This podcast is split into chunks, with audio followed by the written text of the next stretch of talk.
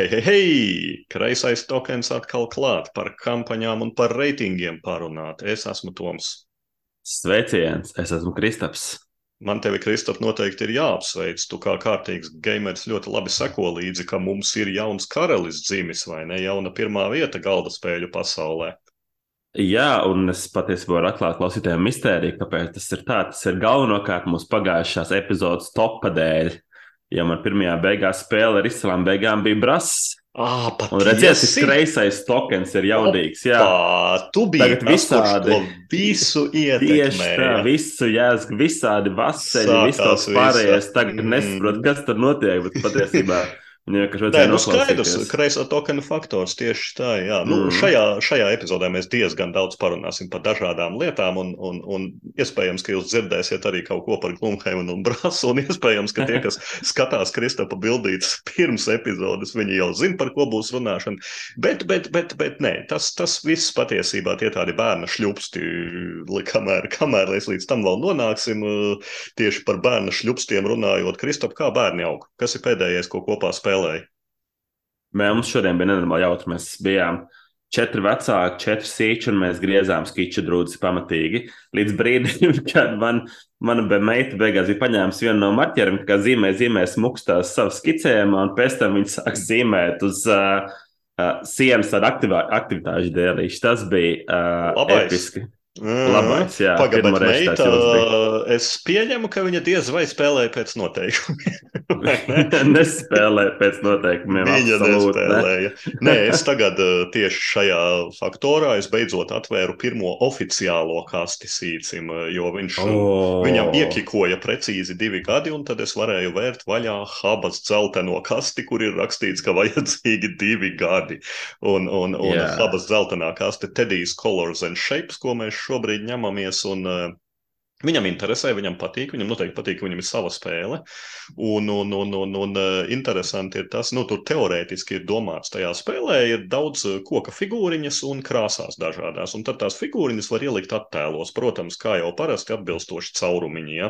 Bet nu, viņš jau krāsas pazīst, formas viņš arī pazīst, zina, kas ir trīs stūris, kas ir kvadrāts. Un, un ievietot tās formas figūriņas atbilstošajos caurumos, viņš māk lieliski. Un tad, nu, tad rodas tieši tas jautājums, uh, vai vai man izdosies viņam iemācīt noteikumus. Jo, protams, ka viņš grib visu izbērt uz galda un pats pa savam kaut ko tur likt, tās, tās figūras caurumos. Un, un tai spēlē ir kauliņi, un tu tā kā uzmet kauliņus, un kauliņš tev pasaka, kuras krāsas un kuru figūru tu tagad liec iekšā.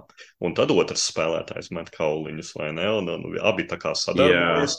Un, un, un, un ar to pagaidām iet grūti. Teiksim tā, pirmos trīs figūriņas tā var. Viņš uzmet kauliņus, un tad viņam pasaki, mums tagad ir jāatrod sarkans aplis. Tad viņš ar baigo prieku atrod, ieliek sarkanu apli, bet kamēr jau otro reizi ir jāmet kauliņi, mazās rokas jau vēl kādas divas figūras jau ir atradušas un ielikušas. Bet, nu, interesanti, interesanti katrā gadījumā sākt. uh, Ja, kād, ja kādam interesē arī saviem sīčiem, es noteikti rekomendēju Teddy's Colors and Shapes. uh, Tāds, tāds uh, foršs, labdabīgs habas paša, paša, paša zemākā Jā, jā, gadu jā. gājuma sīčiem. Bet, nu, haba Jā. laikam neviena nav kļūda. Ņem, ko gribi, principā, un, un, un viss aiziet. Aba laikam ir vairāk izcila. Man Mm. vesela čupiņa haba, bet šobrīd mans lielākais lepnums ir, kad mēs ar trīsgadnieku esam sākuši spēlēt King Domino. Gan zolīdi pēc noteikuma, izņemot vienu, es viņam neprasu to 5x5. Jā, jā. Un kas man likās, kad ir uh, figņa migņa, nu tur viss var salikt, bet baigi palīdz. Jo man iepriekšējā divas reizes sīkais ir vinnējis tā, nu, nopietni man zolīdi spēlējot. Viņš tur vienkārši liek tur smuki. Uh, tas viss patērns kā nāks, un tas, ka viņam jāliek viņš- 5x5 ļoti palīdzoši. Es pieņemu, ka galvā diez vai viņš reizina kroņus ar uh, lauciņu. Viņš nereizina. Viņi zina, ka ir labāk kroņi un uh, sāk, sāk raudāt, kad es paņemu trīnieku. Uh, Tas jau ir daudz. Tas ir rīktīgi Tas daudz. Nu, tas kā ir- tas saka, ir jā. E, pēc- Kā jūs labi saprotat, klausītāji un, un, un visi pārējie, tad kaut kur pēc diviem gadiem mums svaig un gadi. Mums jau ir aizvietošana, ko mēs te baigi yes. Mums var klausīties ilgi. Bet kamēr mēs vēl esam, Kristā, kas tev ir svaigs un gards? Ah, nu, jārunājot par to lielo, lielo ziloni, kas ir iegājis iekšā galda spēļu vienaniekā, kas nu, ne jau ir tik ļoti svaigs, un man ir deviņas reizes, jau es- es- deviņas partijas es dabūju kopā, tā kā jau zinām spēli, un tādā pāris gadus jau stabilā top desmitniekā, un tas ir Birmingemas Brass. Mm -hmm. Piebildēji, Lankšīrs nesu spēlējis. Nu, es esmu. Mm, Tā kā tu esi mēs, noklā, mēs noklājam laukumu. Es varēsi es negribu neko teikt. Mhm. Jā, un šī ir spēle, ko es regulāri gadā spēlēju, kādas uh, divas līdz četras reizes. Tā kā uh, sanāca arī pēdējā partija bija decembrī, bet gan svaigi, gan labi. Bet labi, pastāstīšu mazliet, kas ir brass, bet nestāstīšu par to, kas tur ir forši vai nav forši. Uh, top 10 spēle visiem skaidrs, ka man viņš ir varam patīk. Pastāstīšu vairāk no tāda aspekta, kas tur ir tie tās krūtās lietas, kāpēc brass varētu būt interesants un kāpēc viņi varbūt ir, ir tik augstu uzlēkusi. Nedebatējot, viņai jābūt vai nav jābūt pirmajai, bet nu, kāpēc viņi ir no top 50, top 20 spēle. Nu, jā, un brass ir par industriālo revolūciju, kas ir interesants. Ir uh, līdzīgi kā šobrīd tehnoloģiskā revolūcija ar mākslīgo intelektu, tikai pāris simtus gadus iepriekš, vai ne? Un ar kaut ko jēdzīgu, nevis mākslīgu. Un ar kaut ko, kaut ko jēdzīgu, kas mums uztaisīja pamatīgi ilgtermiņā arī uh, globālās sasilšanas problēmas, vai ne? Un alu. Nu, labi, alus bija jau iepriekš. nu, jā, un tas principā ir par spēles tematiku, ir par uzņēmējiem, kas būvē savas rūpnīcas, attīst dzelzceļus, attīst kuģus, taisa alu, lai strādnieki tur nodzertos un strādātu pie viņiem un darītu visas lietas, ko dara kārtīgi rūpnieki 18. un 19. gadsimtā. Un spēlē divas ēras. Pirmā ir kanāla ēra. Tas nozīmē, visi mauca laivām, sūta savus ogles, pēc tam ir dzelzceļa ēra. Visi brauc ar vilcieniem un tikai tur aido, vai ne? Um, un tas, kas ir forši, ir fakts, ka dzelzceļa ēra ir jaudīgāka par kanāla ēru, bet viņai nav tik ļoti uh, jaudīgāka, tā kā liktos daudzās, daudzās spēlēs, man ļoti nepatīk. Kolizēs ir viens no piemēriem, kur viss nosaka pēdējais rauns, piemēram. Uh, šeit nē, tu daudz ko esi sadarījis, jau esi uh, kanāla ērā, un daudz no tā atstāja uz dzelzceļa, kas tomēr ir 60 pret 40% un ir jaudīgāka. Bet nu labi, es kopā izlasīju piecus iemeslus, kāpēc brass ir foršs un kāpēc ir noteikti vērts pamēģināt, un par tiem arī pastāstīšu. Tātad iemesls numur viens. Ekonomiskā ekosistēma, baigs sarežģīts, skan vai ne? Mm -hmm. Bet uh, viena no manām mīļākajām lietām galda spēlēs ir, un es baigi augstu novērtēju visas spēles, kur ir tā, tāda tā kā ekonomikas ekosistēma. Proti, ļoti bieži spēlēs ir kaut kāds ārējais resursu tirgus. Um, tagad, kas man nāk prātā, ir kaut vai tā pati euforija. Es nezinu, kāpēc. Bet tu aizsūti strādnieci viņus kaut kurien, un tu paņem resursus no kaut kādas mistiskas ārējas vidas. Mm -hmm. Um, un tur kaut kādi vai arī jocīgas cenas, vai tu bīdi kaut kāds elements, tā tālāk. Brak, brasā tā nav. Šeit ekonomika ir super, super dzīva iekšā spēlē. Proti, tas, kā spēlētājs uzbūvēja ogļu rūpnīcu, man kaimiņš blakus būvēs lietas, kam vajag ogles. Viņš paņem ogles no manas rūpnīcas, kur vienkārši stāv virsū klucīši. Un Visas ogles ir iztērējušās ļoti labi. Es esmu pārdevis, man nāk uzvaras punkts, man nāk naudas inkums un tā tālāk. Un tas viss ir super dzīves. Un, ja, piemēram, visi sabūvē ogļu rūpnīcu, visiem reāli draņķīgi iet, jo tev viņiem ir pārprodukcija. Ja neviens nav uztaisījis mm, alus, alus darītā, un tas vienīgais uz, uzbūvē, viņš tā kā aiziet, nenormāli aiziet, iedomājieties. Um, kaut kā tur pilsēta, kur nav bijis alus, un tur pēkšņi atnāk tās kārtīgas vāciešu alus un tā tālāk. Un tas ir varam forši. Te nav kaut kāda ekonomikas ar ārpus spēle, viņi visu laiku ir spēlē, un tev nāks to ārkārtīgo plānu pār, pārtaisīt atkarībā no tā, ko spēlētāji dara, kas iedod tādu milzīgu sinerģiju ar citiem, te pašā laikā iedod ļoti foršu vairāk spēlējamību. Jo tā ekosistēma īsti daudz spēles nezina, kur, kur tas ir redzams. Um, viens tāds labs piemērs ir Power Grids, kur ir pieprasījuma piedāvājuma līkne gan forša, bet Power Gridā viņa nav tik dzīva. Tā ir vienkārši pieprasījuma piedāvājuma līkne. Tā ir tas pats uz visu kartu un par visu mehānismu. Tā, tā ir lieta numur viens. Lieta numur divi. Loģiski šī līknē ir uh, interakcijas starp spēlētājiem. Uh, ļoti, ļoti izteikts. Bet uh, viņas ir mēdz būt tādas uh, vidēji nešpatnas, bet nešpatnas tāpēc, ka katrs darbojas savas lietas. Un brasā ir vienkārši katrā gājienā spēlētājs izdara divas darbības, izspēlē divas kārtas, izdara divas darbības.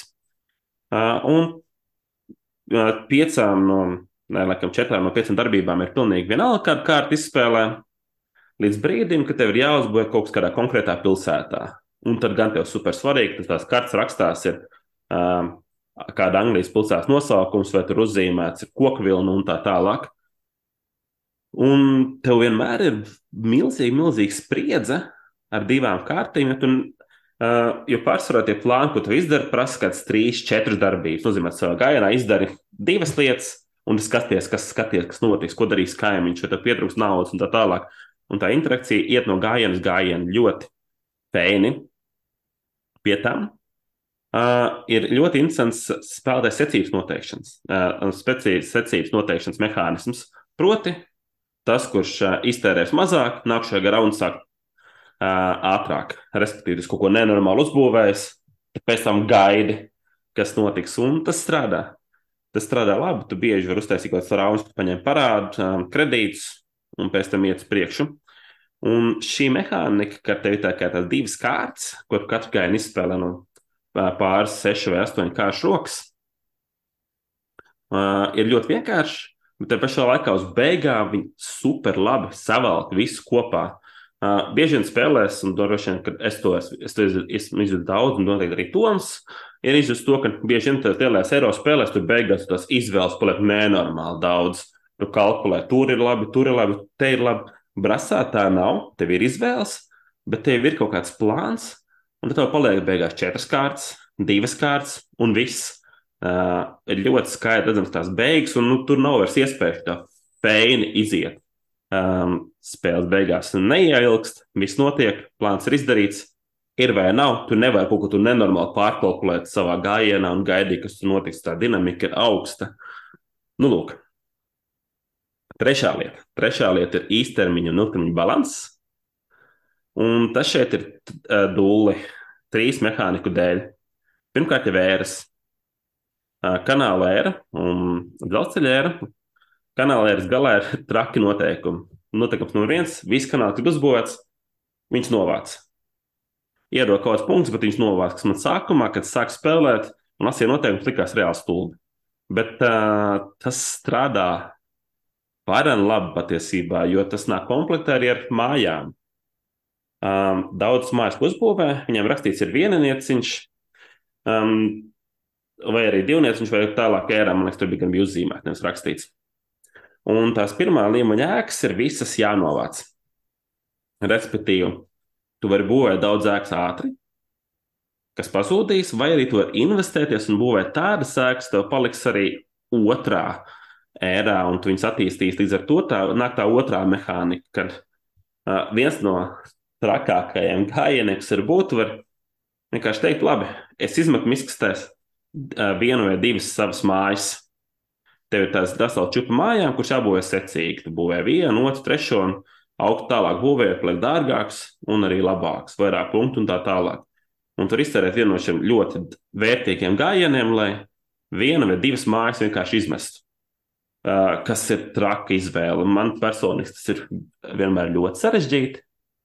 Uh, bet uh, kopumā tas tāds pamatīgi iedod to žūgu. Tu vari veselu čūpu māju izmest un būvēt krūtākas mājas, jo tu vari lēnām darboties un mēģināt īstermiņa uh, darbībām šo visu panākt.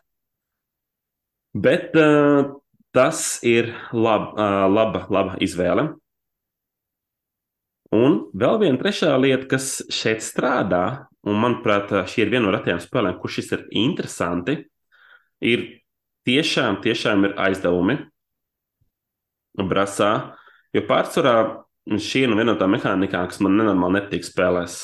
Super garlaicīgi. Tu aizņemies naudu, piemēram, um, 20 naudas spēles beigās atdos 30 vai katru gājienu maksā kaut kāds procents. Ciest nevar, nekad neņem.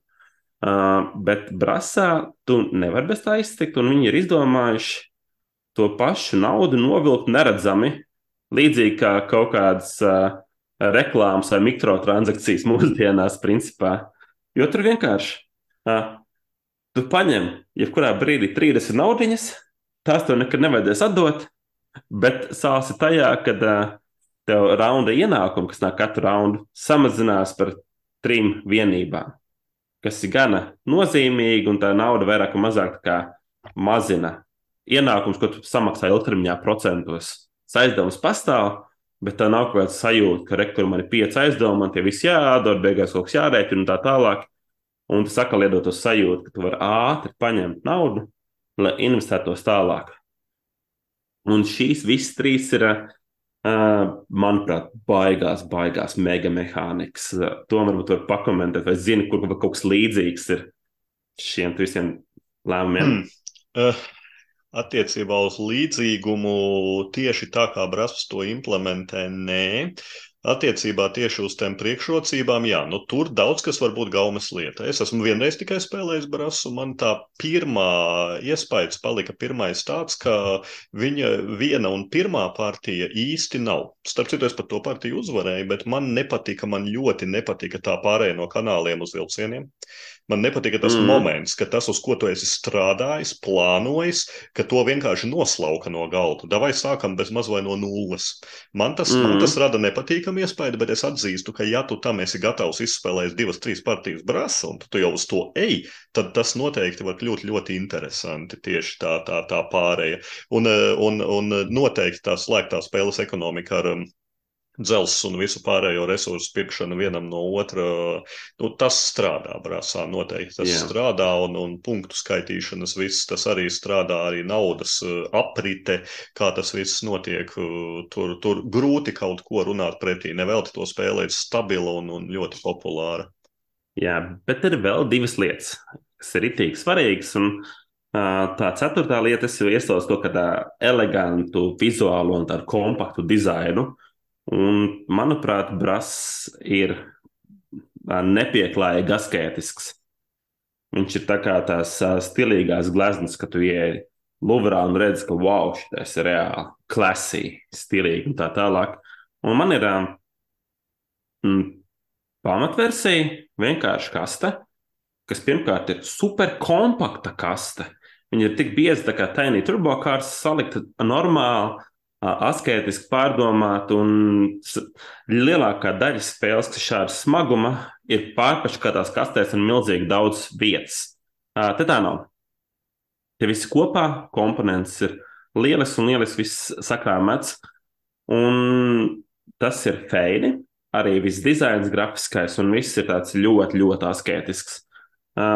Tagad nu ir man viena maza piezīme, kad uh, Brass ļoti bieži nāk kopā ar slavenajiem uh, Ironclads pokerčipiem, un šo es nekad neesmu sapratis, man reāli nepatīk. Un es nesaprotu, kāpēc cilvēki to izmanto dažādās spēlēs. Man liekas, tā kā uh, tematiski atbrūž no tā brīža. Labāk izvēlos spēlēt brāzi kartonu naudu vai citas spēles kartonu naudu, nevis kaut kādiem random plasmas poker čipiem. Neiedaras. Kā... Es pat teiktu, ne... kaut vai papīra nauda. Man ir spēc kā powergridā, jā, bet tie čipi, jā, nu, jā. neesmu es arī piekritējis. Jā, man nepatīk, tas man liekas līdzīgi, es par to domāju. Man līdzīgi tā kā iedomājies spēlē koka klucīšu, aizstāv kādiem random LEGO klucīšiem. Mm. Tas būtu apmēram tāds, un tas man maitā. Visu to pasākumu, tas galvenokārt tāpēc, ka nu, viņi tie vienkārši pokerčipi. Tas neiedarās, tā nav nekāda metāla nauda, kas ir piemērota un tā tālāk. Nē, nē, nē, tas nav par krutiem komponentiem, bet um, tas ir par šo. Bet kopumā tā bresa packaging, kas ir salikts, bija ļoti, ļoti solīds, ļoti labs. Un tajā laikā, kad es viņu iegādājos, viņš maksāja arī piemērots, bija pie 50 eiro. Tagad gan jāsaka, ka ar visām šitām uh, ņemtiņām tajā pašā veikalā brasa maksāja 73 eiro. Pirmā vieta daudz ko dod, vai ne? Bet, nu, mans, pie, man, mans pēdējais piecinieks, es teiktu, ka 73 eiro par to packaging ir jau padārgi. Tur maksā jau par vārdu. Uh, viņš tas, kas ir apakots pa 50 ļoti zolīri. Bet, nu, mans pēdējā piektā lieta ir um, noteikumi pret izvēļu attiecību. Respektīvi, ir no tām spēlēm, kas nav pārāk grūta. Tur ir samudžināts lietas, jā, bet kopumā tur ir piecas darbības, ko tu vari izskaidrot. Tur iemācīt salīdzinoši ātri. Tur ir daži saudabīgi koncepti, kas spēlētājs saskarās, saprot, un ir viss skaidrs. Un arī normāla referents lapiņa, un viss iet kā nākas. Nu, piemēram, es varu pateikt, ka es brasmās, man brasā man iespēja ies, iesaistīt arī savu mammu, kurai drīz jau būs 60 gadi. Viss notiek normāli, spēlējam un ir, ir ok. Un tas ir milzīgs pluss šādām spēlēm, jo brasams smagums ir Borgē Gigā 3,9 vai 3,91. Bet no noteikuma grāmata ir Birmingemā vismaz 12 lapas puses no kurām divas ir vēstures ap, apraksts par industriālistiem. Protams, tur sākums, beigas, komponentu lists un tā tālāk, viss, kas vajadzīgs. Bet tie noteikumi brīvi, labi uzdizainēti, krāšņi, daudz piemēriem, tā tālāk. Un es, kad es saskāros, biju šokā, nu, pagaidi, šitais tas brasks, liekas, nenormāli garš, nenormāli sarežģīts un tā tālāk. Līdz ar to um, dziļums ir viens no labākajiem, kāds ir redzēts vispār spēlēs. Nu, ļoti, ļoti liels dziļums. Piemēram, piemēram, piemēram tai pašam uh, Glumhevenam, ja mēs skatāmies rules summary, tā kā apkopojums noteikumu ir 11 lapas, kas tikpat daudz, prasa bras kopā, un ja mēs skatāmies tās kopējos noteikumus, tas ir jau pie 50 lapas pusēm plus bez scenārijiem, kas ir ok. Uh, tādām lielajām kampaņu tematiskajām spēlēm noteikumi ir gari no tā nevar, iz, tā nevar izvairīties. Bet tas uzreiz prasa, ka tev ir kāds cilvēks, kurš to rītīgi iemācījies, ka to pārzina, kurš bez mazliet kā game master strādā. Prasā tā nav. Tur iemācīties, darboties, ātri tikt cauri un dabūt ļoti labu attiecību nu, dziļumam pret noteikumiem. Tā kā, jā, es teiktu, ka ir vērts uh, izmēģināt, un mēs droši vien vairāk diskutēsim par vietām, par rankiem un vispārējo, bet kopumā šī ir varen, varen zolīda spēle. Un man atkal gribēs izspēlēt patiesībā. Jā, nu, tā nav vienīgā zolīdā spēle. Vismaz cilvēki tā domā, ka ir vēl viena diezgan zolīda spēle. Un es beidzot esmu nobriedis padalīties uh, par Gloomhaven, ko es solīju jau sen. Atruna, es esmu spēlējis tikai digitālo spēles versiju solo, Spēlēju ar diviem tēliem, diviem varoņiem, kā to pārsvarā solo arī rekomendē. Cik es veicu izpēti, spēles digitālā versija būtībā visur atbilst analogajam Gloomhaven. Tas ir oficiāls produkts, programma, kuru atzina kvalitatīvu spēles fani, apskatnieki. Daudzi pat saka, ka kopš digitālās versijas iznākšanas uz galda viņi pa tumšo ostu vairs nerāpošot. Tā kā, nu, var jau būt, ka to produktu es izvēlējies, esmu labāko. Kas tad ir Glumheimna tēma? Spēlētāji iejūtas klejojošu piedzīvojumu meklētāju lomās, un katram ir kaut kāds savs ļoti individuāls prasmju kopums un savi personīgie iemesli, lai atrastos tumšajā pasaules nostūrī Gloomhavenā. Tā ir kooperatīva spēle. Tad visi kopā cīnās pret ļaunumu. Vai arī dažos gadījumos es teiktu, ka paši spēlētāji pārstāv ļaunumu, apslaktējot kādus pārdesmit nevainīgus grauzējus, meža gariņus, ainoksus vai ko nu vēl. Gloomhaven ir spēle, kuras fani nu ļoti, nu tā kā ļoti, ļoti slavē par tēmu. Un savā ziņā viņiem ir taisnība. Spēle tiešām nav tas klasiskais pagrabu rāpulis, dungeon crawleri, kur, kur iet rūķis, burvis, elfs, sniperis un, un, un cīnās pret puķiem un skeletiem. Nu, kaut gan, varbūt, ka es pasteidzos. Skeleti ir aktīvi slaktējumi arī Glumhavenā. Ir viņi tur. Taču, lai cik dziļa būtu tā tēma, kā spēles aprakstā pārsvarā ir aprakstīti mehānismi. Savādi, vai ne? Tā ir kā tematiskā mm. spēle, bet tu ieej un tur rakstīts kampaņa, bla, bla, bla, kāršu spēle tāda un tāda un tā tālāk. Kādi tad ir tie mehānismi? Boardgame uzskaita 16 dažādus mehānismus. manuprāt, svarīgākie ir noteikumos. jā, manuprāt, svarīgākie ir trīs. Pirmais - kampaņa pēc būtības. Jā, tiešām izvēles, kuras tu izdari, ietekmē noteiktu lietu secību. Tas nav tas, ko parasti uzskata par legasiju. Tu vari to pārspēlēt, tu vari spēlēt vēlreiz. Un patiesībā no tā, ka tu zini scenāriju, nekas tur nav tik traks. Mierīgi var, ja kāds ir tik psihiski, viņš var iet klubhaimenu vēlreiz. Tad pirmais no mehānismiem - kampaņa. Otrais - asimetriskas spēlētāju spējas. Pavisam noteikti šis ir tas gadījums, kurā katrs spēlētājs iegūst savu tēlu, savu varoni, ar noteiktu, es tā teiktu, auru, ar sūtību šajā spēles dzīvē, un mehāniski pats galvenais ar visnotaļ unikālu kāršu kavu. Bet pagaidiet, nē, nē, nē. īpaši nepieķeries savam tēlam. Nav gluži troņu spēles, bet pēc noteikta partiju skaita no varoņa un visiem uzlabojumiem būs jāatvadās. Būs jāsāk ceļš ar jaunu censoni. To Glumhevens nodrošina. Un trešais un pats galvenais mehānisms, es teiktu, ir rokas menedžments, darbības ar kārtīm. Un tur arī ir tā spēles galvenā sāls. Glumhevens pēc būtības ir cīņas spēle. Varoņus iemet noteiktā vietā, pagrabā, mežā, kuģī, un tur viņiem nāk pretī dažādi pretinieki. Tie paši puķi, skeleti un dažādi visādi dīvaini no Glumhevena pasaules. Pārsvarā visās misijās mērķis ir neatstāt nevienu, kurš pēc tam pastāstīs, ko tu izdarīji. Ir daži sīkumi, bet nu pārsvarā tā. Un cīņa notiek izmantojot kārtas. Un kā tad tieši te ir tā Glumhevena sals, Tev ir kava ar kārtīm, kārtīm ir visādas spējas un ir augša un apakša. Tu izvēlies savā gājienā izspēlēt divas kārtas, un tad, kad pienāk tavs gājiens, tad tu izvēlies, no kuras tu dari augšu, no kuras tu dari apakšu.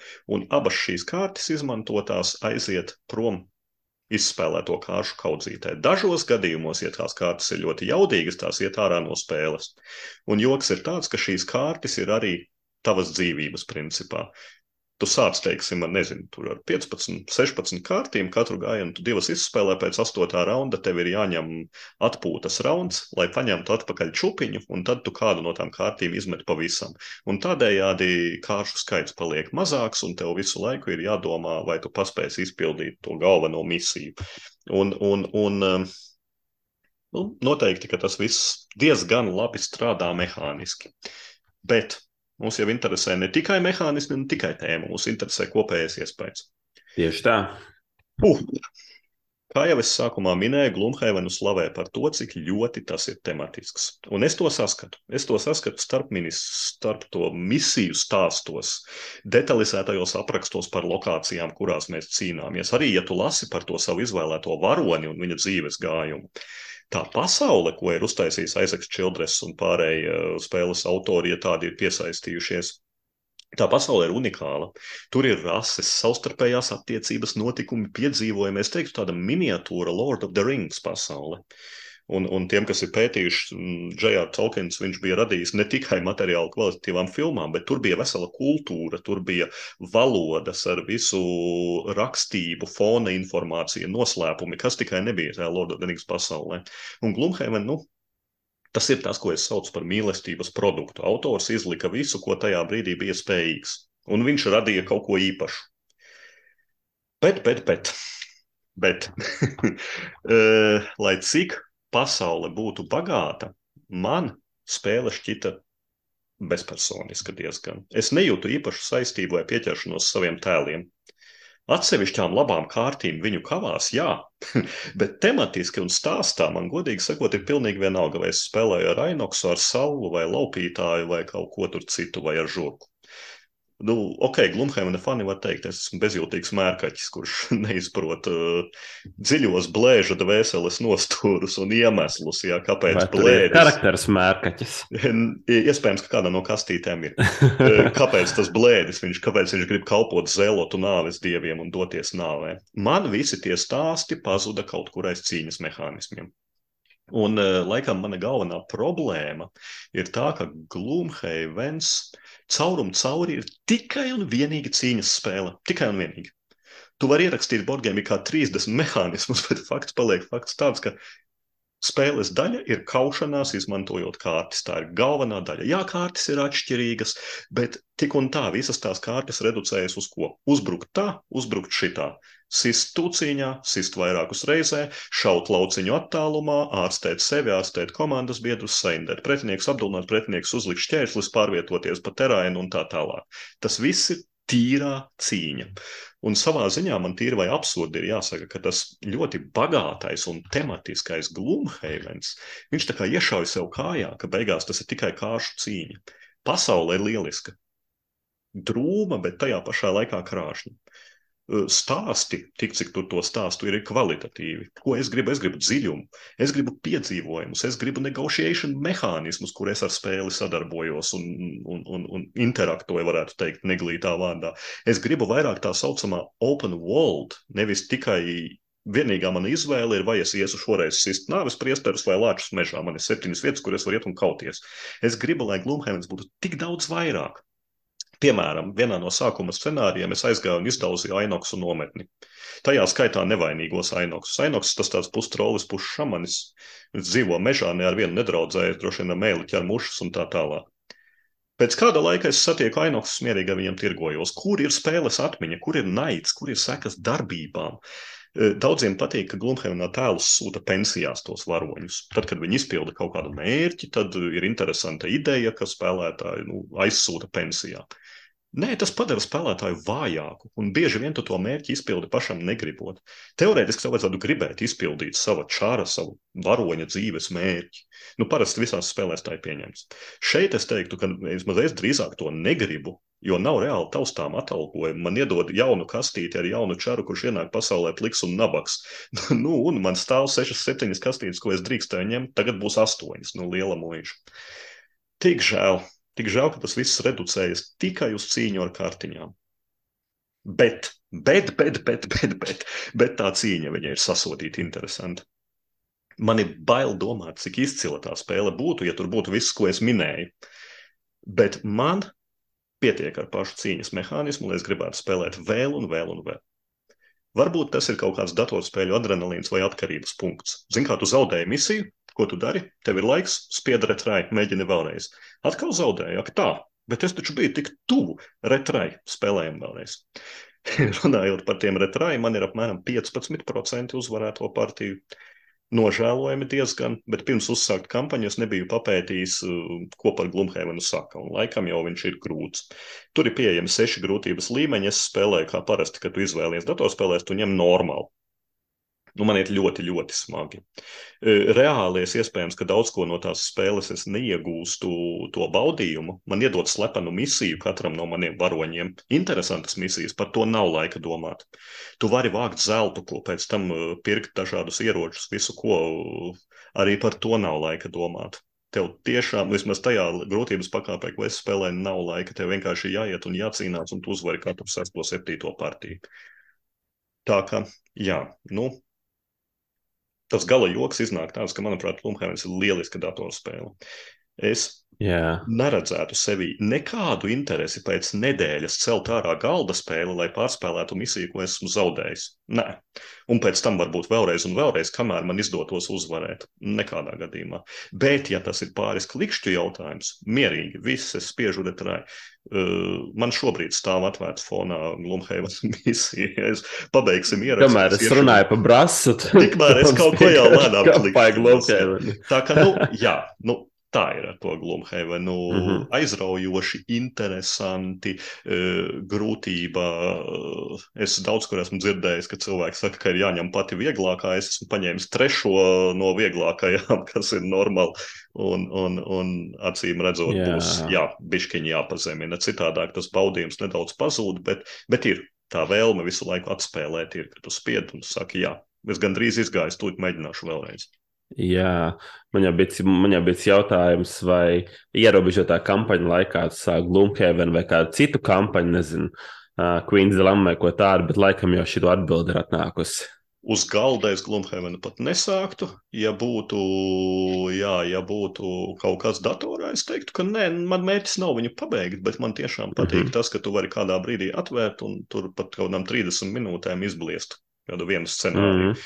Izgāja, fine, XP uzkrājās, krājas pieredze, var attīstīt savus varoņus, un tā tas viss ir labi atstrādāts, tiešām labi.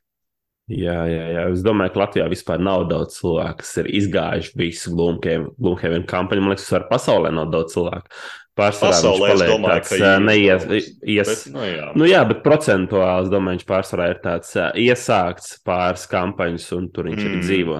Es domāju, ka kopš ir uh, digitālā versija, tas skaits noteikti ir paaugstinājies, kas viņu ir izgājuši. Jo tad viņai jau pieslēgušies ir iespējams nevis galda spēļu gameri, bet īstie gameri. Un, un Mm. viņi, viņi pieķeras tur kāds noteikti pateikt, ka pa vienu nedēļas nogali izgāja visu globu. Visi mūsu korejas klausītāji ir pieslēgušies. Tā ka jā, nu, tas, tas ir Gloomhavens, un, un, un mēs šodien svaigā un gardā esam veiksmīgi izpurinājuši. Es pat nezinu, vai tagad Gloomhavens ir otrajā vietā vai nav. Būs jāpaskatās pēc kāda brītiņa. Mēs atgriezīsimies Visu laiku bija trešais. Tur tā lieta, ka viņi bija nobalsojuši. Bet par šo, par šo noteikti šajā epizodē mēs vēl kādā brīdī turpināsim. Un šodienu mēs turpinām ar kaut ko patiesi interesantu un kaut ko patiesi nebijušu. E, Par to, ko mēs tagad runāsim, es teiktu, ne klausītāji, ne Kristaps visdrīzāk nav pat dzirdējuši. Mums būs ieradies kreisais ciemiņš. Mē, kā jau es minēju, mēs mēģināsim šajā sezonā bišķiņi pieskarties šādām tādām kampaņām. Un šodienas kreisā ciemiņa topiks mums ir tēma no Love Letter līdz Gloomhaven. Es jūtos nenormāli asprātīgs, kad izdomāju šo, šo, šo nosaukumu. Uh, jā, un, un, un mums ir kreisais ciemiņš, Valts. Sveiks, Valt! Sveiki, sveiki. Kreisā tokena klausītāji zina, kā viņi, viņi tagad sēž un domā un, un saka, ko jūs tur atkal putrojat? Kāds valsts sen jau ceturtā sezona iet, kur ir Rainers Knicija? Kur ir kaut vai tā šīnī, vienalga, kaut vai jūsu Ignācijas? Kādā sakarā jums ir valsts, bet godīgi sakot, Kristap, vai tev liekas, Nu, no, nu. no. ko, ko, ko Rainers Knicija dzīvē ir sasniedzis? Nu, izņemot 750 spēles, bet vai viņš kaut ko ir sasniedzis? Es domāju, ka viņš nevienu pašu kampaņu nav pabeidzis. Viņam tas viss tikai īsies, lamas un viss kaut kāds tāds Nu, jā, mīgs, un tas, ka viņam ir doktora-. Jā, doktor Grāts, tas arī patiesībā ir pilnīgākā pigņa. Knicijas Šodien, simts- šodien, šodien brīvajā mikrofonā es klausījos, zvanīja cilvēku un stāstīja, ka Dabācijā visi tie te doktora grādi esat nopirkti. Tā kā tur viss Nu, re, tas droši viss- avoti. Pilnīgi droši avoti, viss pa brīvo mikrofonu un partijas solidaritāte arī noteikti pateiks to pašu. E, Jā, es varu sadarīt, ka Knicija noteikti nav izdarījis to, ko ir izdarījis valsts. Tas ir iziet visu Glumheivenu. Taisnība sakot, taisnība sakot, ne visu Gloomhavenu, jo Gloomhavenam ir nu, jau četras daļas kopā. Un es izgāju tikai par oriģinālo Gloomhavenu. Lūk, tikai oriģinālais. Glumheivens valsts lautam labākā īpašība ir pieticība, vai ne? Jo, jo, jo iziet oriģinālu Glumheivenu, nu, varbūt, ka 20 cilvēki pasaulē to ir izdarījuši. Es šaubos, ka baigi vairāk. Bet jā, mums ir, mums ir klasiskā ciemiņu turpināšana. Nezinu, valsts kādreiz ir klausījies, vai viņš ir uztrāpījies uz ciemiņiem vai nē, bet ir tā, ka mēs uzdodam desmit jautājumus, lai klausītāji saprastu, kas tas par degunu pie mums ir. Un uh, tev būs divi atbildžu varianti, un tev būs vienkārši jāizvēlas viens vai otrs bez nekādas dziļākas komentēšanas. Noteikumi skaidri? Jep. Lieliski. Nu, sākam uzreiz ar konkrēto. Glumhaven vai brass? Uh, Gloomhaven, Kafija vai ābolu sula? Kafija, Spēļu nometne ziemā vai vasarā? abi. Ā, nē, nē, labi, labi, labi. Derēs spēļu nometne baigi svēta lieta. Plastmasas miniatūras vai tā saucamie kartona standī? Miniatūras. Glumhavenā kas bija? Gan, gan. Abi. Ok, labi. Uh, varoņi staigā ar miniatūrām, monstri ir uh, kartoni. Ah. Bet ir īstenībā daži fani uztaisījuši 3D izprintējamas uh, monstru miniatūras, ja grib kādreiz ņemties. Aha, labi, laižam tālāk. Kas ir sliktāk? Izliet karstu tēju klēpī vai uz spēles? Klēpī. Klēpī sliktāk. Vai, Nē, nu. vai tas mēģinājis abas? Uh, es baidos klēpī ieliet karstu tēju. Galu galā klēpī ir visa mantība. Tas ir viens, un pēc tam palecoties, tu vari apgāzt spēli un pazaudēt komponentus. Laikam man ir jāpiekrīt. arī, arī fakts. Labi, Jaugavas galda spēļu klubs vai partija solidaritāte? Uh, Jelgavas galdspēja klubs. Pareizā atbilde. Spēlēt ar agresīvu degunu vai ar bremzi? Agresīvu. Latviskota spēle vai oriģināls? Oriģināls. Labs kooperatīvs vai izcils solo? Kooperatīvs. Un tad pēdējais šitais drošības čeklists jautājums. Kreisais tokens vai radorans true?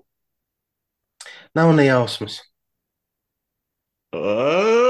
Tu cilvēks centies, aicini, iedod pusstundu gaismiņas Lumheivena čempionam, un viņš nevar viennozīmīgi pateikt, ka rādoru noteikumu nezināšana neko nerubīja.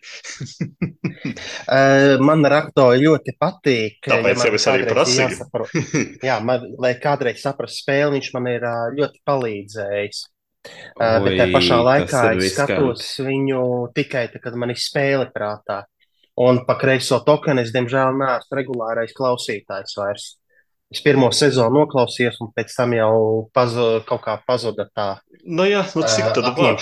Cik tad var? Es piekrītu, vajag nenormālu apņemšanos, bet, nu, tā kā valtam ar apņemšanos problēmas ir diezgan lielas, kā var saprast, davai stāsti. Kā tas gadījās un kā nākas, ka tu esi izspēlējis visu pamata Glumheivenu?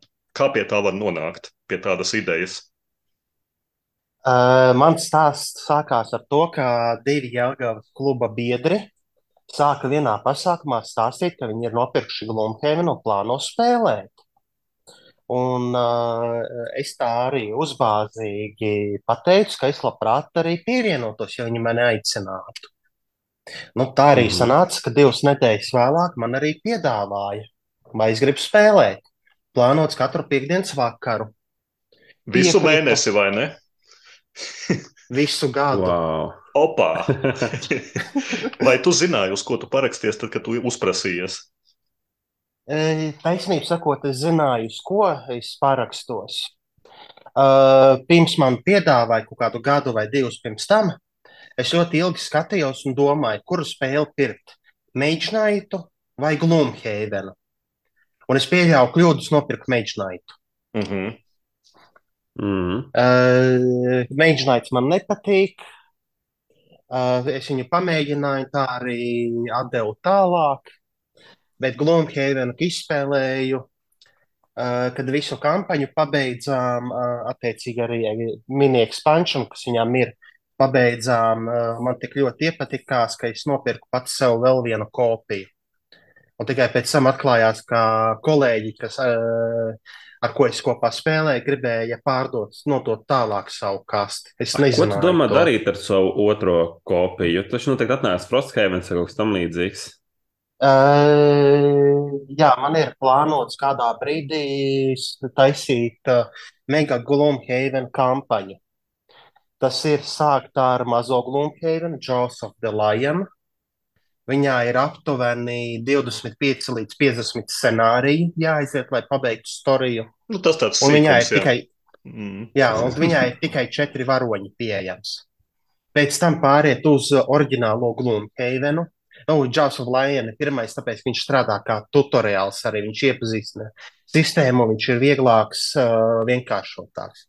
Tad ir doma pāriet uz uh, lielo oriģinālo Gloomhavenu, un te foršā lieta ir tā, ka var varoņus ko tu izmantoji vienā versijā, tu viņus vari pārlikt arī uz otru versiju. Tām vispār nav nekāda ierobežojuma. Tas nozīmē, sākot pie šāda scenārija lielo Gloomhavenu, tev ir Gloomhavena seši oriģinālie varoņi, plus tu vari izmantot of the Lion četrus varoņus. Un tālāk, Jā. attiecīgi, iet. Jā, un Gloomhavenā kampaņa, ejot, izspēlēsi 50 līdz 70 scenārijus aptuveni atkarīgs, cik daudz side missionus iet. Un tas ir tas komitments, uh, kur tev jābūt gatavam gadu, katru nedēļu, vienā dienā, vienu dienu ziedotām. Mums Vai divus gadus? Tiešām... divus gadus katru otro nedēļu. Nu, tas ir jau sarežģītāk. Man liekas, ka ir vieglāk komentēties katru, uh, katru nedēļu, piedalīties ir vieglāk nekā katru otro. Jo nereti gadās, ka kaut kas notiek, un tu nevari piedalīties. Kāds cits nevar nu, piedalīties, un tad sanāk atlikšana, vai pārcelšana, vai atcelšana, un tad sanāk lielāki caurumi. Ja to dara katru nedēļu, Uh, ir, uh, nu, tev vienu nedēļu nenotiek, ir viss kārtībā, tu vari nākošajā spēlēt. Nav te liela sta, uh, laika starpība starp tām spēlēm. Bet tagad tu spēlēsi katru otro, un tad viens netiek šonadēļ, pēc divām nedēļām, kā cits netiek, un tad beigās sanāk, tev aizies mēnesis vai divi ne, bez spēlēšanas. Un tad atsākt ir daudz grūtāk. Mm. Kurš jūsu grupiņā bija dzinējs suns? Vai visi, vai tomēr kādam bija Viss. citiem pakaļ? E, nu, mēs visi gribējām spēlēt, mēs visi, visiem patikās varoņi. E, bija misijas, kurās e, es iegāzu visu pārtīti, te pašā laikā bija misijas, kur e, viens no e, abiem pārējiem iegāza un neizpildījās misijas, gāja visādi. Mhm. Bet uh, kopumā spēle ir vienkārši neiedomājami laba. Jā, es gribēju prasīt, vai jums spēlē bija kāds, kurš bija kā galvenais ā, noteikumu pārzinātājs, jo Glumhevenā tur ir 50 lapas puses, kas ir ok šitāda tipa spēlē, bet jums bija tā kā viens kā rules masters, kurš vairāk zināja un kurš strādāja Ē, pildīja bibliotekas Jā, funkciju. no sākuma mēs pirms sākām spēlēt, mēs visi apskatījām video, kā tas notiek. Un uh, es īsti nezinu, vai drīkst teikt, vai nedrīkst vārds, tāpēc es teikšu, spēles īpašnieks bija pats izlasījis noteikumus, arī iepazīstinājis. Mhm. Pēc tam kampaņas laikā es kaut kādā brīdī biju pacēlis noteikumus, sāku iet pāri, un bija lietas, ko mēs jau darījām nepareizi. Un uh, tad nācās kampaņas vidū labojumi, ka mēs šo darījām, šo mēs darām pārāk lēni, to mēs darām nepareizi, dēļ tā faktora. Bija lietas, ko mēs darījām sākotnēji Bet nepareizi. jūs tur normāli gājāt uz priekšu, vai jūs arī tā kā Glumhaimens masējat? Un Toms stāstīja, ka jums digitālā versija ir itīgi dev iekšās. Vai jūs tā kā Uh, braucat viņa, pāri? ne, nu, mēs spēlējām no sākumā uz normālās uh, grūtības Aha. pakāpes. Aha, es arī. Un uh, mums, mums gāja diezgan labi, un mēs vienā brīdī sākām palielināt grūtību. Mēs Jā, pat spēlējām vienā Tā- brīdī ar plus Nu divu jā, tas grūtību. nav tā kā es, kur tā kā lohos paliek, kur uz slāna visi aidoksi, kuriem nav slinkums. Šitie paaugstina. Nu, Jā. Pareizi, jā. Jā, Kāpēc? ne, nu, ideja jau ir pavisam vienkārša. Tā kā tu piešaujies pie tās sistēmas, uh, tad arī ir vieglāk uh, spēlēt, kā arī mēs vienu noteikumu apzināti spēlējām nepareizi, lai samazinātu downtime. Ideja ir tāda, gluma ka tu setapo karti, tu setapo tikai un vienīgi to istabu, kurā jūs esat iekšā. Mm, nākošo istabu var setapot tikai tad, kad ir durvis atvērtas. Uh, bet tas parasti prasa kaut kādas 10-15 minūtes uh, pauzi, kad durvis tiek aptvērts. Mums tas nepatīkās. Mēs vienkārši spēlējām scenāriju sākot, uzsetapojām visu.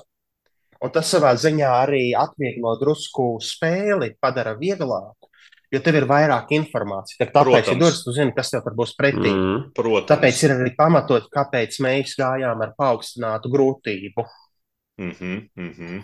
Jo, nu, paaugstināt grūtību ir laba, laba ja tu dabūni vairāk XP punktus atpakaļ.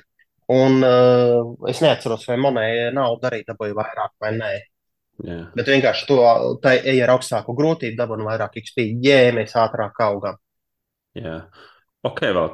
Kurš tev bija, kurš tev liekas visforšākais karakteris Globhavenā? Tēls. Ui. Uh, taisnību sakot, es, nedrīk, es drīkstu runāt tikai par sešiem sākuma varoņiem. Nu, Par pārējiem runāt nedrīkst, jo tas ir spoilers. Pie mums drīkst visu, pie mums drīkst jebko, pie mums drīkst teikt, ka tas bija kariņš. Ja? Vienalga. Nu, man pašām ne, nu, viss, ir ļoti, eh, viss ir ļoti atkarīgs no tā, kā tu uzbūvē savu varoni.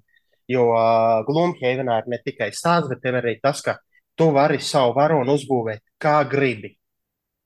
Un uh, man, piemēram, es sāku spēli ar uh, žurku maintīfu, un es viņu ļoti izbaudīju, ka es spēlēju. Es biju maziņais, uh, ne, mazais neredzamais durteklis. Es tā palieku neredzams, ieduru kādam, tad pretinieki nezina, kam sist. Nākošajā raundā es vēlu ieduru apkalu un palieku redzams. Un es šo visu laiku manipulēju, neredzamību. Man ļoti patikās. Tā kā viņu, viņš aizgāja pensijā, mans varonis. Tad es pārgāju uz kādu citu, kurš man nepat, nebija tik pati, nepatika tik ļoti kā maintīgs. Uh, bet nu, man pašam ir pieredze sākt spēlēt ar maintīgu, un tas ir vienkārši lielisks varonis, ne, nepārspējams. Uh, es vēlāk, spēles beigās biju pamanījies izspēlēt ar sākuma spēļu vīveru. Un ar viņu man arī patīkās spēlēt, tā kā man bija devītais līmenis. Jo ideja bija pavisam vienkārša. Mums ir misija nogalināt visus pretiniekus. Es savā pirmajā gājienā aizskrēju līdz kartes otram galam, un tad citu visu istabu ārā, tīru viens pats. Viņam bija ļoti pareizi, es biju pareizi uzbūvējis savu varoni. Es burtiski viens pats iztīru pēdējo istabu un uh, spēles, uh, kas man, ar ko es spēlēju kopā, tīrīja no sākuma. Un mēs tā arī vidū satikāmies. Bet pašā laikā spēles īpašnieks bija vienā brīdī spēlējis ar varoni, ko mēs saucām par trako čiksi. Un uh, viņam bija parasti misija, viņš darīja tā, ka viņš pieiet pie lielā bosa, uzsit vienreiz, uzsit otrreiz, uzsit trešoreiz, viss viņš ir beigts. Bet viņš pa šo laiku ir galveno bosu nosits. Mm. Nu, tāds īpatnē. Par, par, par tieši šo te varoņu sūtīšanu pensijā, vai tev tas mehānisms patika, un vai tad, kad tu sāc no jauna ar jaunu varoni no kastītes, jūs nejutāties vāji? Uh, īsti nē. Ideja ir uh, pavisam vienkārša. Ka tev grūtību spēlē nosaka to, ka uh, tas, kāds ir tavu varoņu līmenis. Mm -hmm. Mēs paņēmām visu vidējo un izdalījām uz divu laikam. Es neatceros precīzi to formulu. Mm -hmm. Bet mūsu līmeņi nosaka to grūtību. Tas nozīmē, ja es pensijā man aiziet 9. līmeņa varonis, un es nākošo sāku ar 3. līmeni, mums jau automātiski scenārija grūtība noiet uz leju. Tīrdē, tā, viņā ir iekšā smuki uztaisīts tas scalings. Protams, tev ir atnāk tev jauns varonis, tu vēl nezini, kā ar viņu efektīvi spēlēt. Tur vienmēr ir tas challenge. Man personīgi ļoti patīkās būvēt uh, uh, varoņu, skatīties, kā ar viņu spēlēt.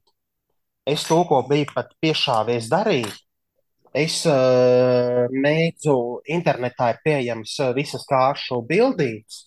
Es mēdzu izprintēt visas kārtas ārā, uz A4 formāta lapas sanāk deviņi gabali, izgriez ārā un tu es tagad būvēju savu deku jau mājās, pirms man ir varonis ienācis. Šitais ir labi, jā, tu esi sēdi uz poda, tev ir izdrukāta A4 lapa un tu būvē galvā deku. Šitais ir labāk. Jā. Mm -hmm.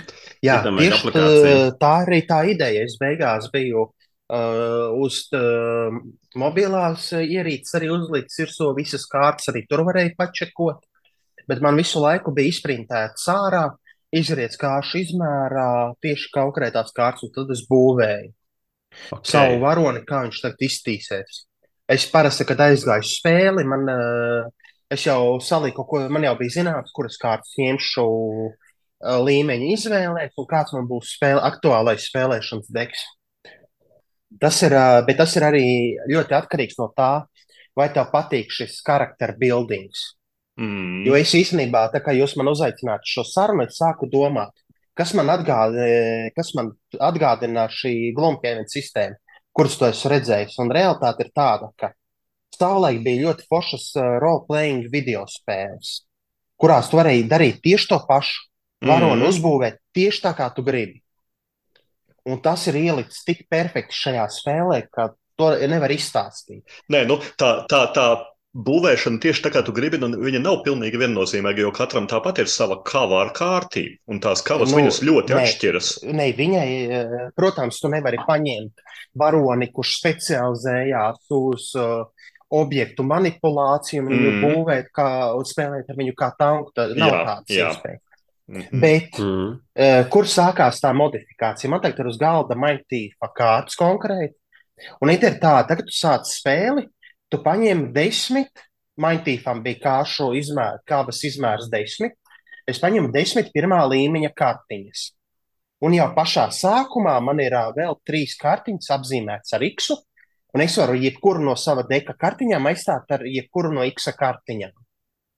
Piemēram, uh, ja es zinu, ka man komandā ir kāds uh, sabiedrotais, kuram trūkst moments, un man un, uh, es varu attiecīgi izņemt kādu kartiņu, kas ir, un viņā ielikt, piemēram, kartiņu, kas saka, viens alais, trīs attālumā var veikt mūvu četri.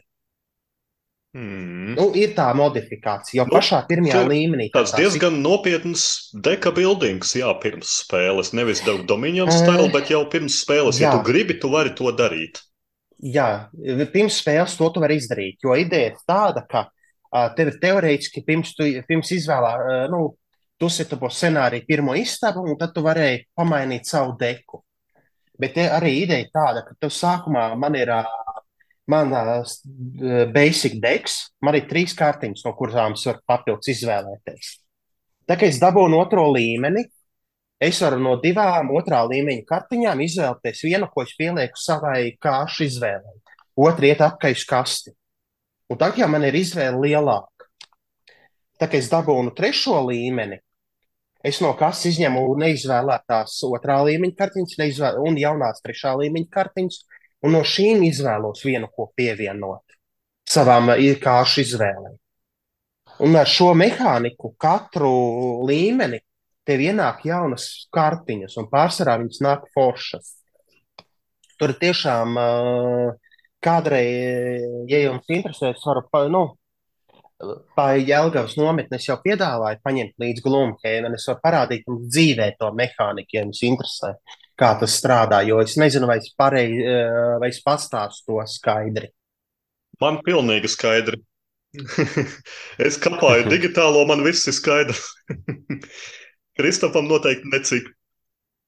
Man vispār radās bijis cits jautājums. Tas, ka viņam ir kāršu mehānika, tās degbuilders, tas ir skaidrs, to viss ar jūras skatīšos un tā tālāk, bet valsts diezgan, manuprāt, nepārliecinoši nosaloja, nopārdeva to scenāriju dizainu. Tas, ko tu teici, tā kā viena kapājas no vienas puses, otra kapājas no otras puses. Bet var, var padalīties par interesantāko scenāriju, kas tur bijis, kaut kas tāds, kas forši jādara. Nē, nu, piemēram, t, tas ir baigi atkarīgs arī kāds sanāk stāsts, kādi varoņi. Jo tas gadījums, ka es tīri istabu no viena gala un uh, mani komandas biedri no otra gala, tur bija tā, ka es speciāli jau pie kampaņas beigām paņēmu to vienu varoni ar to domu uztaisīt Nu. šo vienu konkrēto Mēs bildi. mājās ar tā darām, ka mēs sestdienā tīrām istabu, es sāku ar virtuvi un sieva ar manas istabu. Viss Jā. čau, bet. Bet Ko- es arī ko saviem pamainīt? kolēģiem, es arī saviem kolēģiem pateicu, ka man ir šī deks un es gribu pamēģināt. Visi piekrita. Un tad tas sanāca, ka pirmajā istabā, kamēr mani kolēģi uh, sāka tīrīt pirmos monstrus, es ātri aizskrēju līdz kartas beigām un palieku neredzams. Izmantoju abas savas kārtas tīri, lai aizietu. Tie monstri Mhm. kaut kur pakustās. Mani kolēģi pa to laiku sāk tīrīt, viņiem jau sāk bariņš apkārt, uh, drūzu, a, viņi sāk iedrūzumot. Un tad savā nākošajā raundā es sāku sist. Visiem uzsitu ar teku pieci un nostanoju. Nu, labi, bet kādas tur ir? Kādas tur ir zaudēšanas kondīcijas, kas tur mēdz būt lūkiem, vai kaut kāds timings ir, vai vienkārši tikai tad, ja jūs Eh, atklapē? Beidzas kārtas. Uh, ide, ideja ir tāda, ka scenārijs var iedot tev kaut kādu zaudēšanas kondīciju. Uh -huh. Piemēram, tev ir jāpasargā viens uh, neplayer karakteris. Vai arī nedrīkst pieļaut, ka kaut kas notiek. Tev vajadz būt, bet tie nav, ne, tie nav vienmēr. Standartā ir divi zaudēšanas nosacījumi. Uh, nu, spēlē, ne, spēlētājiem ir uh, tā sakot, uh, divi gadiem, kad viņš izstājās no šī, uh, šīs misijas. Pirmais nosacījums, ja tev paliek nulle dzīvības, tu esi bezsaņemā, uh, bezsamaņā, tu esi nokritis uz zemes. Tu nekusties, neko nedari, tev neviens arī nesit. Tu izstājies no šī scenārija ārā. Otrs scenārijs ir tad, ja tev beidzās kārtas. Ar kārtīm ir tas, ka tev ir divas uh, kārtas, jau ir diskārdā, no diskārta viņas var dabūt ārā, un pēc tam viņas iet arī lostā. No lostā ārā dabūt uh, ļoti reti var. Ja tev visas kārtas ieiet lostā, tu arī izstājies no raunda, tev beidzā pietrūkst izturības. Tu, nu, pēc idejas, tu skrēji sprintu, tev vienkārši pie, sāk pietrūkt enerģija, tu vairs nevari turpināt. Tādējādi tas tiek mehanizēts. Ja visi okay. spēlētāji ir izstājušies no scenārija, tu zaudē scenāriju. Un tad tev ir izvēle. Mēs ejam apkārt pilsētu, iepirkt jaunas mantas, vai mēs, un, vai arī mēs paliekam pat uz vietas un mēģinām vēlreiz. Tādā ziņā spēle nav tik ļoti barga, ka, tā, ka tu nomirsti, tu viss maronis iet prom pilnīgi. Nav tādi nosacījumi. Nu, ir, es zinu, ka ir cilvēki, kas tā spēlē, bet tas nav, nebija standartā minēts. Mm -hmm. uh, bet ideja ir vienkārši tā, ka tu vari spēlēt, nu, zaudēt, zaudēt, nu, mēģinām vēlreiz. Mm -hmm. Jā, bija viens spēlējams scenārijs, kur ir uh, konkrēti pateikt, ir uh, kārtē četri atzari, un ir pateikts, ka katrs spēlētājs uzspēlnojās savā atzarā. Spēlētājiem ir bu burtiski katram pašam individuāli jāveic savus uzdevumus. Visi iniciatīvi iet tieši tāpatās, tikai tas, ka mēs katrs uh, esam savā stūrītī un mēs viens otram nevaram palīdzēt. Nu, tas ir tas pēc foršas scenārija. Uh, tas bija viens tāds scenārijs, bet, ja tu tiešām tev patīk ļoti spēlēt vienam pašam, es tev ieteiktu pamēģināt solo spēli. O, nē, es vienkārši digitāli stīmā viņu paņemtu. Es gribētu viņus pats spēlēt. Es domāju, tas būtu pareizi labākais ceļš. Um. Uh, nu, stīmā var spēlēt. Uh, es to Kristofa jautājumu, ko viņš caur puķītēm, es pārfrāzēšu uh, konkrēti ar mietu par sevi. Vai tev nelikās, ka pilnīgi viss Glumhevens ir tikai un vienīgi vienveidīga eju kaujos ar kārtīm, ka visas misijas ir būtībā vienādas? Uh, savā ziņā jā, bet tā pašā laikā nē. Uh, man ļoti nepatīk oriģinālajā Glomkēvenā tas, ka lielākā daļa misija ir kā kill all enemies. Jā, tas ir nogalināt visus pretiniekus. Mm -hmm. uh, man šitais nepatīk, kad, jo kaut kādā brīdī tev ir apnicis iet un slaktēt un slaktēt un slaktēt. Bet ideja jau ir pavisam vienkārša. Tās situācijas, kas tev rodās uz laukuma, ir ļoti dažādas. Ja tev ir apnicis uh, misijas, kur ir kill all enemy, nu tad, tā, kad izvēlējies, kuru scenāriju, nu, pašķirsti grāmatu, atrodi to misiju, kurā jūs varat iet, kur tev ir cits uzdevums, tev ir vienmēr tā iespēja. Tas nav tik briesmīgi, ja tev ir pēdējās desmit misijas bijušas kill all enemy, tu vari atrast kaut ko, ko darīt, kas būtu savādāks. Ir to iespējams. Mm -hmm. Tā kā tas nav tik traki bet arī tās okay. katrā misija ir, nu, viss notiek ar to, kā tu izspēlēji savas kārtas. Un uh, mums okay. ir bijis sanā, tiešām tā sanācis, ka mēs nofēlojam šo misiju, mēs zaudējām. Mēs izdomājām, mēs tajā pašā vakarā uzreiz spēlējam viņu otrais, un tagad pirmajā gājienā jau izvēlēts divas citas kārtas. Un viss spēle pamainās pilnīgi savādāk. Tieši tas pats okay. scenārijs, tieši tie paši deki, vienkārši izspēlē pirmās divas kārtas savādākas. Tu jau jutīsies, ka ir kaut kas jauns. Vai jūs jau esat saplānojuši savu grupu pirmo Frosthaven nakti?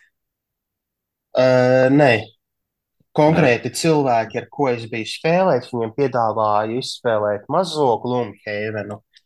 Un uh, viņi atteicās saistībā ar ģimenes pieaugumiem, ka nav īsti vairs tā laika.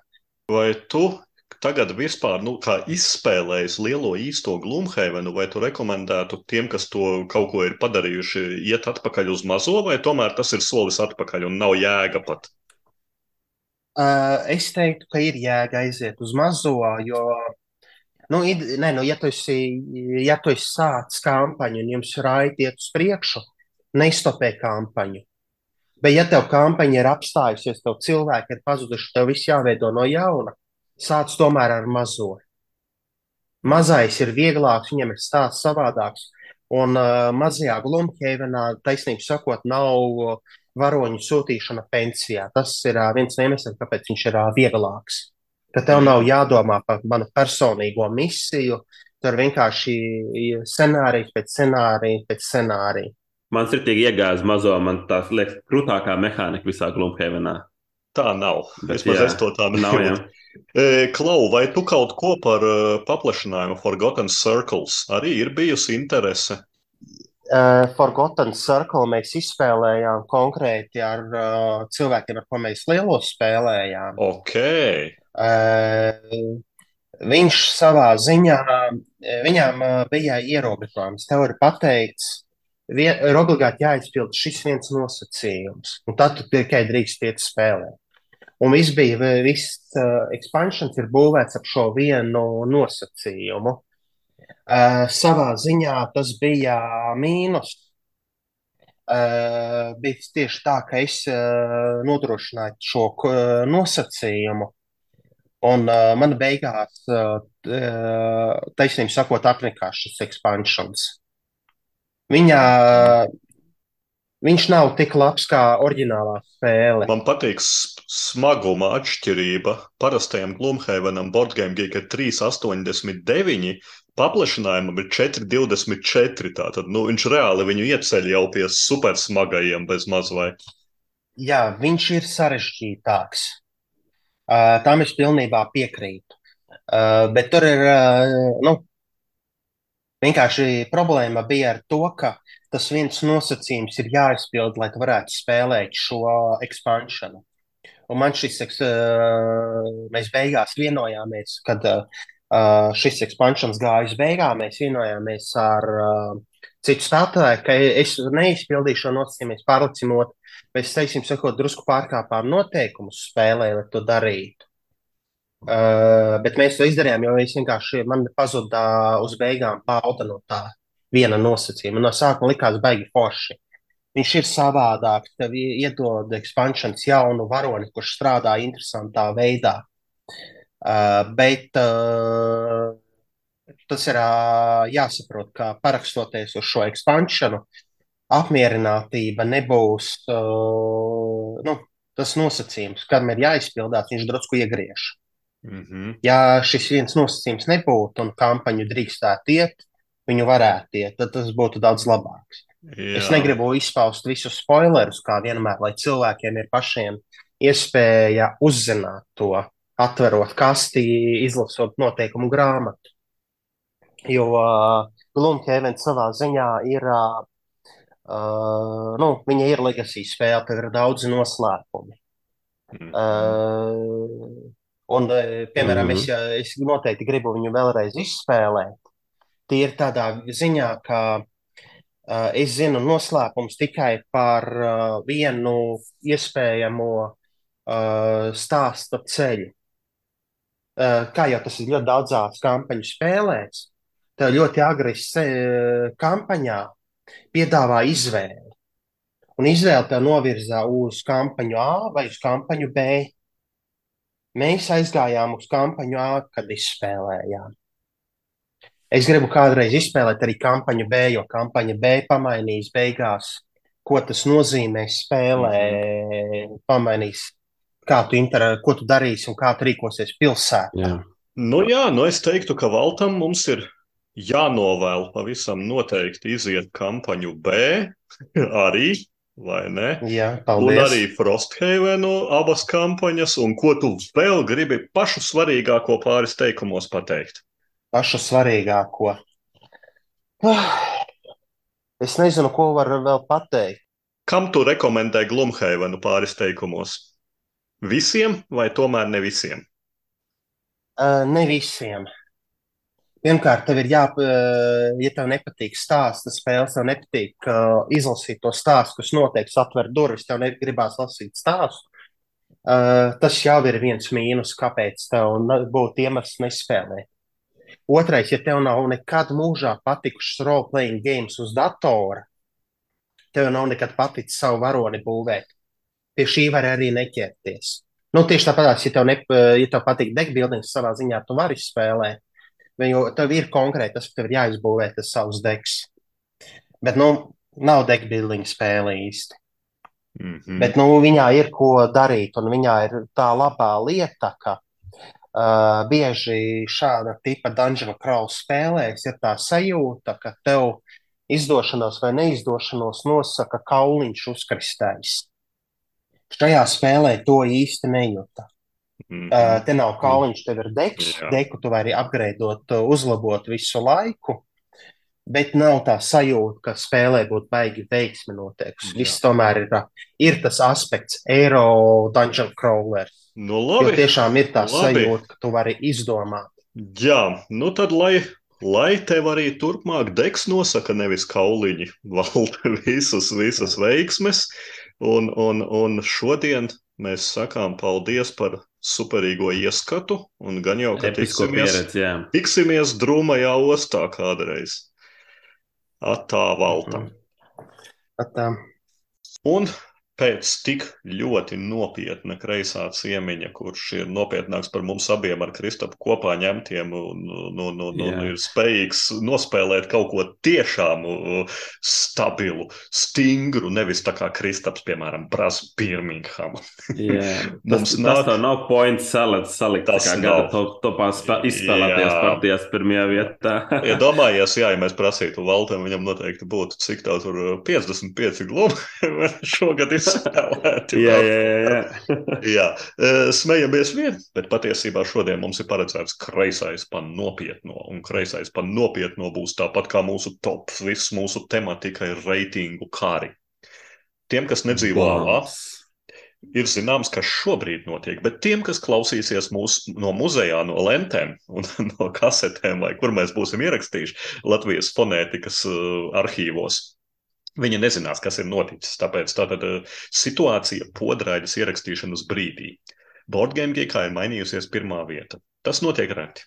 Tas notiek tiešām Mhm. ļoti reti. Tātad šobrīd Brāzs Birminghams ir izvirzījies pirmajā vietā ar 8,42 reitingu, otrajā vietā Uhu! Pandemic Legacy Season 1 ar 8,40 reitingu. Līdzšinējais līderis Gloomhavens ar 8,400 reitingu ir tikai trešais, un ceturtā ir Arknova ar 8,28. Ja nu kāds viņu pieminēs šeit kreisajā pa nopietno, ej tu sazini.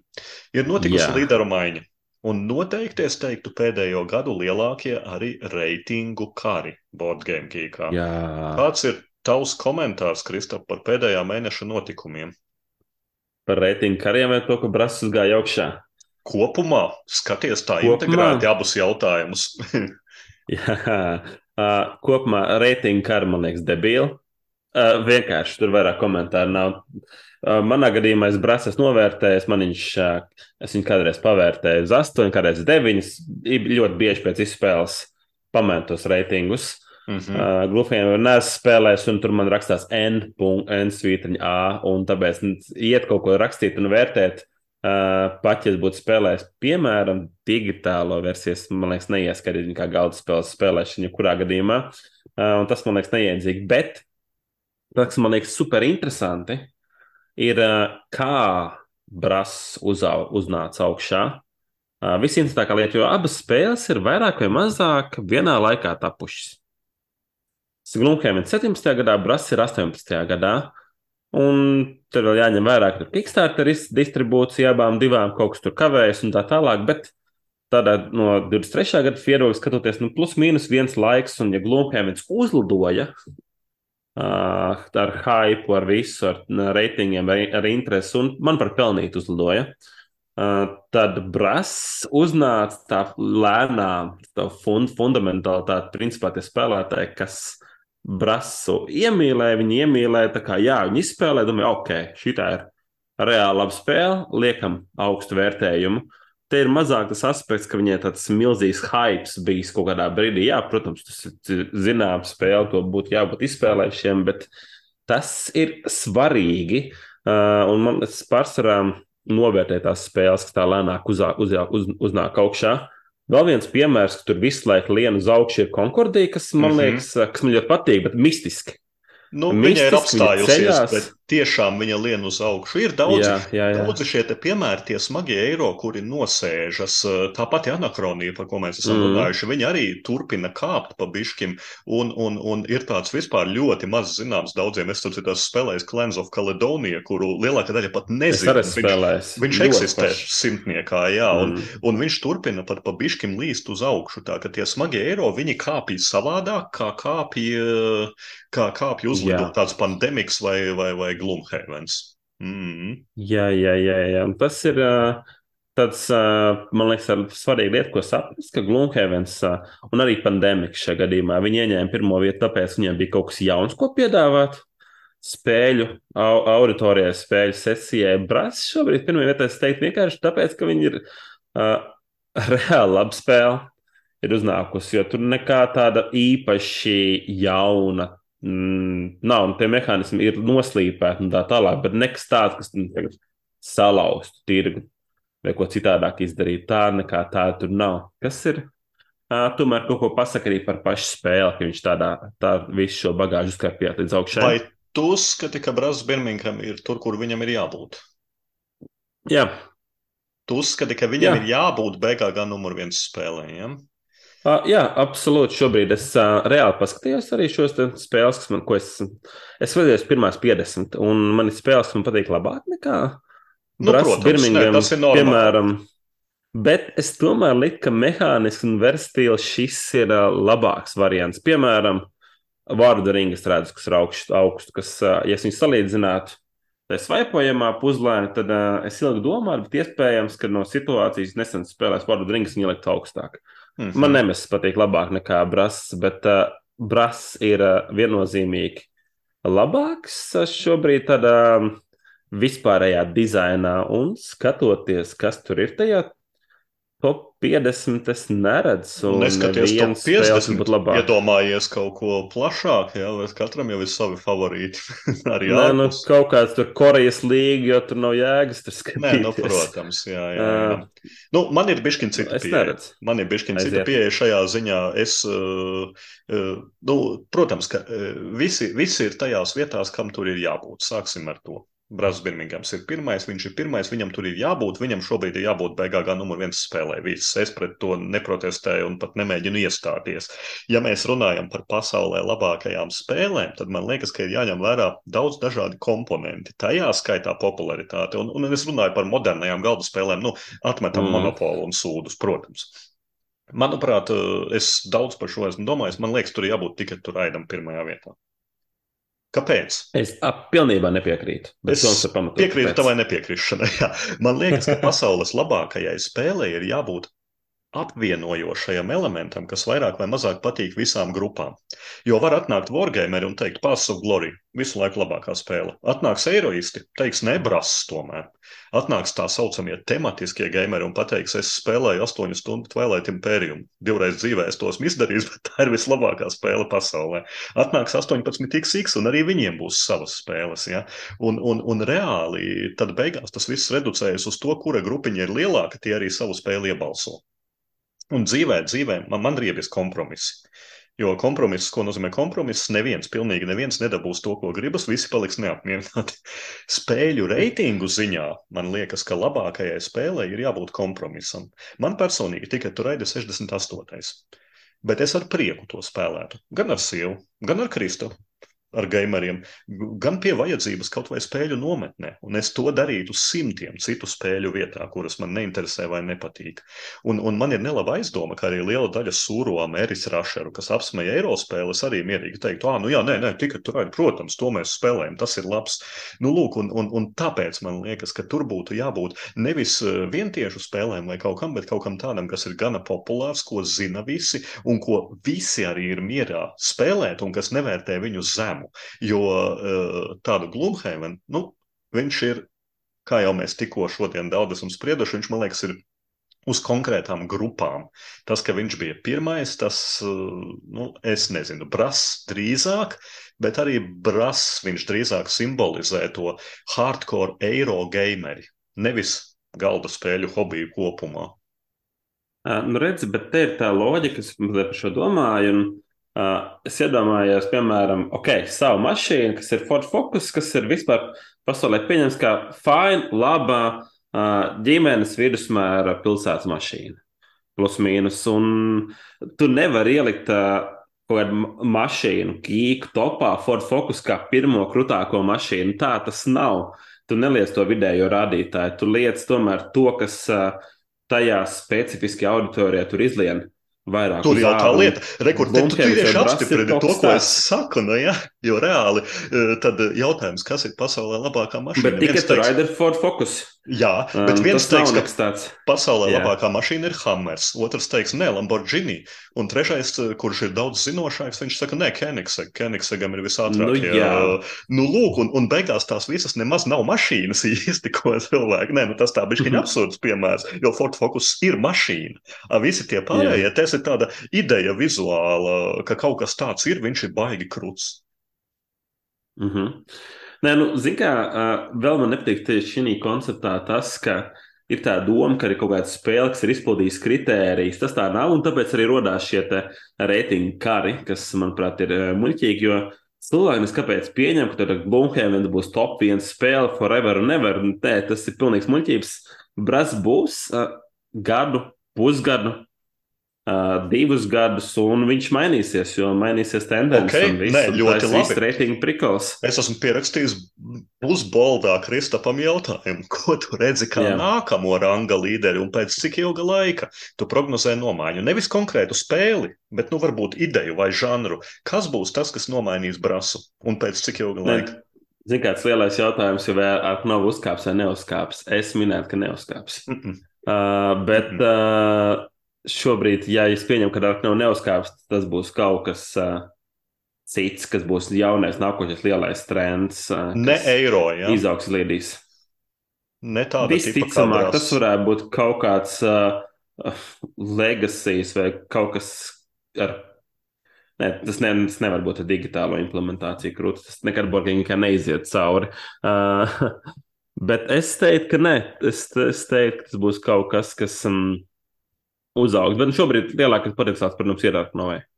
Man, man, man, man šķiet, ka Arknovai vairs nav iekšā. Te ir tas variants par sprintiem uh, un, un, un, un maratoniem un Mhm. visu pārējo. Jo tas, ko Arknova paveica, man liekas, nu, neskaitot tur spēli, kas paceļas no 20 tūkstošās uz 17 tūkstošiem, ja, bet, bet Arknova procentuāli, man liekas, lielāko rāvienu izdarīja, ko var izdarīt gada laikā. Tikt gada laikā uz ceturto vietu. Nu, tas ir unikāli šobrīd pie šīs spēļu konkurences. Bet kaut kā mm. pēdējos mēnešos es vairs nejūtu un nedzirdu to sajūsmu par Arknovu. Nav tā, ka apskatnieki joprojām teiktu, wow, Arknova, tur tas pats Vasils, kurš teica visu laiku mīļākā spēle, bet, bet viņš nesaka, būt, ka tur kruīzā izspēlēja piecas Arknovas. Nē, nu, varbūt, ka jaunais ūdeņu paplašinājums kaut ko mainīs. Es teiktu, ka Arknovai nu, top 3 Visdrīzāk, ka jā, top viens, nu, laikam jau nē, tomēr, jo viņi ir, man šķiet, ka Arknova ir izpumpējusies ar to mega rāvienu. Yeah. Visi kas, visi, kas ir nobalsojuši par Arknovu, tie jau ir nobalsojuši, ka tā spēle viņa vairs neizplatīsies plašāk. Jo mūsdienās tie, kas kaut ko grib nopirkt, lielākā daļa to uzreiz arī nopērk un uzreiz arī izspēlē. Un, un, un Arknova uztaisīja tik lielu to uh, popularitāti, ka viņu tiešām visi, kas viņu varēja iedomāties, arī sapirka un sabalsoja. Tāpēc viņa uzleca. Tas tā izplešanās lēnā, ko dara Brasi, Konkordijas un Ak- Anakronijas un tādi, Arknova vairs nedarīs to lēno izplešanos. Jā, jā, jā, man ar tā šķiet, bet to mēs redzēsim. Vēl viens aspekts, kas jāņem vērā, ka ā, tā top viens spēle neuzies spēle, kas nav pietiekoši sarežģīta. Uh, tas, manuprāt, ir tāpēc, ka daudz cilvēku, kas um, vērtē tādas uh, vieglākas un foršākas spēles, ir gana biežāk neieliek tos augstos vērtējumus, piemēram, The Crew. Mm -hmm. uh, kas ir ļoti augstu, bet man liekas, salīdzinot ar brasu, nu, brasu tur izņemās entuziasts, ieliek to savu astotnieku, devītnieku vai ko nu krūvu. Daudz cilvēku tomēr ieliek ļoti forši, visi iet 7, 8, un tas Jā. vidējais skalas šeit mainās gana bieži. Es kādreiz tā vērtēju arī spēles, skatoties. Man bija, man bija nu, nu, pirms gadiem, nu, jau kādiem desmit, man bija pieeja, ja tas ir labs, kvalitatīvs, skaists eiro. eh, Astoņi viņam ir minimums, ko es lieku, ja viņš strādā. Ja tur nav Jā. kaut kas, kas man nepatīk. Un, ja viņš izskatās kaut cik labi, tad tas ir astoņi. Ja tas ir eh, laba kāršu spēle, ja, tad viņa dabū kaut kādu septiņu vai maksimums astoņi. Nu, tā kā jā, es domāju, ka daudziem tā skala tā līdzīgi arī strādā. Ja tas ir kaut kas maziņš, un tā nu, nevienmēr ieliks viņam to deviņu vai Jā. desmit, kas varbūt būtu pelnīti. Runājot par pirmo desmitnieku, es saredzu, ka nākošā spēle, kas ielauzīsies no uh, jaunajiem karstumiem, pirmie desmitniekā būs Earth. Um, Es Par nezinu, cik ātru, jūs daudz par ātru prognozēt. dzirdējuši, bet es domāju, ka diezgan stabili. Tad viņai ielika uh, mega. Mega vērtējumu spēle, par- es esmu spēlējis spēli pat par sevi ir ā, ļoti solīda, un viņš ir ā, savā veidā tas pats ā, Mars un Arknova, kas ā, konkurē vienā Mhm. žanrā, kas gan kas ir pierādījis sevi, ka ļoti daudziem cilvēkiem patīk, un es domāju, ka, ja ne desmitniekā, tad simtniekā šī gada laikā viņa būs, ja vien tā pieejamība būs gan augsta, tā kā redzēsim. Nu jā, ar vien grūtāk ir ielīst. Ar vien grūtāk Mm, ir tas gan. ielīst tajā simtniekā, jo tomēr tas spēļu skaits ir un print, printēšanas skaits spēles kopiju baigi daudz nozīmē. Jā. Ja tu izprintē mazāk, nu viss mazāks sniegums. Un, un, un attiecīgi, cik no tiem vispār aiziet uz Borgēm.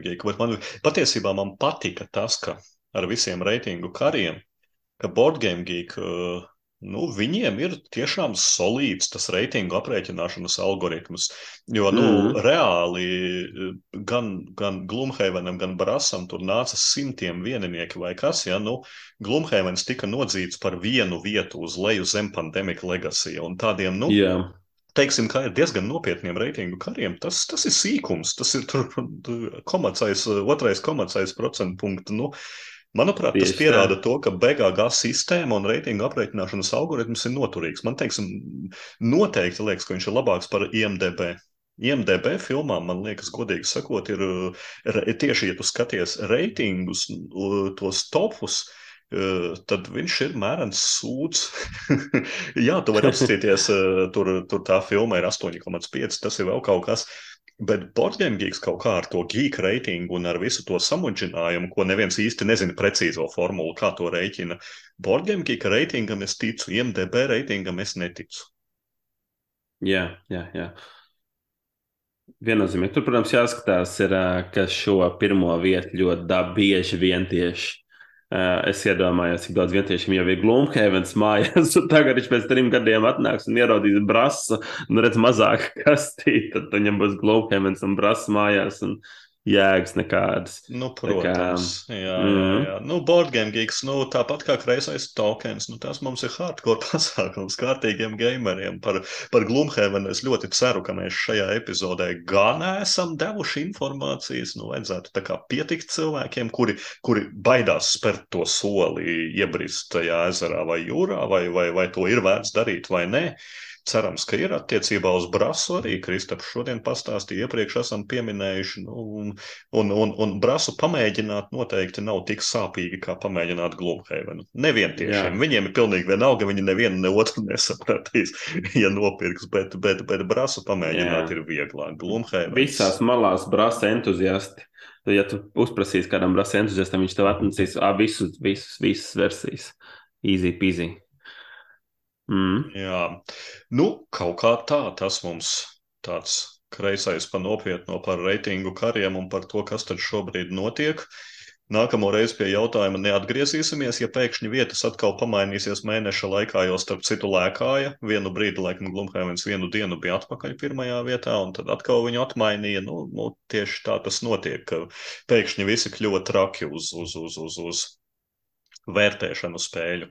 Bet patiesībā lieta, uz ko visvairāk ir jābūt trakiem, ir nevis reitingu kāri, bet mūsu kreisais top 5, kuru mēs atkal nosaucam par reitingu kariem, tāpat kā visu šajā epizodē. Mūsu kreisais top 5 ir tāds, tāds, tāds riktīgi stilīga lieta. Mēs sarindojām spēles, kurās mūsu vērtējums visvairāk atšķiras no board game geek uh, publikas vērtējuma. Un, un parasti Mhm. es vaicāju, kā tu veidoji topu, bet šoreiz es pateikšu, kā to topu var izveidot tiem, kas nezina. Tātad board game geek profilā aizēju uz savu lietotāju profilu. Tātad uh, jānospiež uz vārdu, jānospiež uz profilu, un tur ir uh, šķirklis sadaļa stats, statistika. Un aizejot, tur ir tāds largest disparities in ratings. Tātad Boardgame Geeks automātiski tev iedod sarakstu ar spēlēm, kur tavs vērtējums visvairāk atšķiras no, no Boardgame Geek reitinga. Tiek dota delta, un, un mums šodien tad arī topā būs tā Jā, delta no, no zemākās kas būs piektā līdz pašai augstākajai, kur nu, mēs galīgi nesaprotamies. Un nav teikts, ka tas ir, ka mēs esam iedevuši reitingu par zemu. Varbūt mēs esam iedevuši reitingu par augstu. Nu, Manā gadījumā būt... tas ir teikts. Manā gadījumā arī laikam es esmu tas ļaunais. Es tagad skatos vispār, vai kurā vietā man ir kaut kur sākot ar kaut kādām 20. es vērtēju augstāk. man ir pieminekļi, divi, ko es vērtēju augstāk nekā Borgēn Gigs. Ok, tu to nopinekļoji. Labi, labi. Jā, kas nu, tad kaut ir? kā jau jāizceļ. Mm. Tas ir uh, Under Falling Skies, ko es esmu ielicis desmitnieku, droši vien daudz teikt nepamatot, bet man ļoti patīk.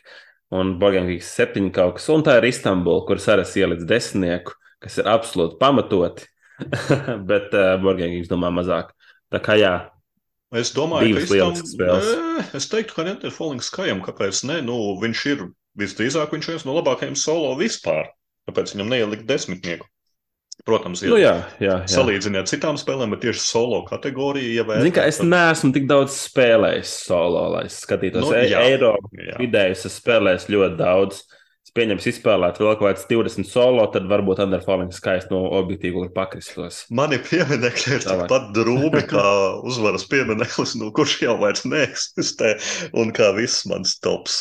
Visi, visi, visi mani gan pieminekļi, gan topā būs tādi, ko es vērtēju zemāk par publiku. Eh, pirmais mans piemineklis ir Skybridge.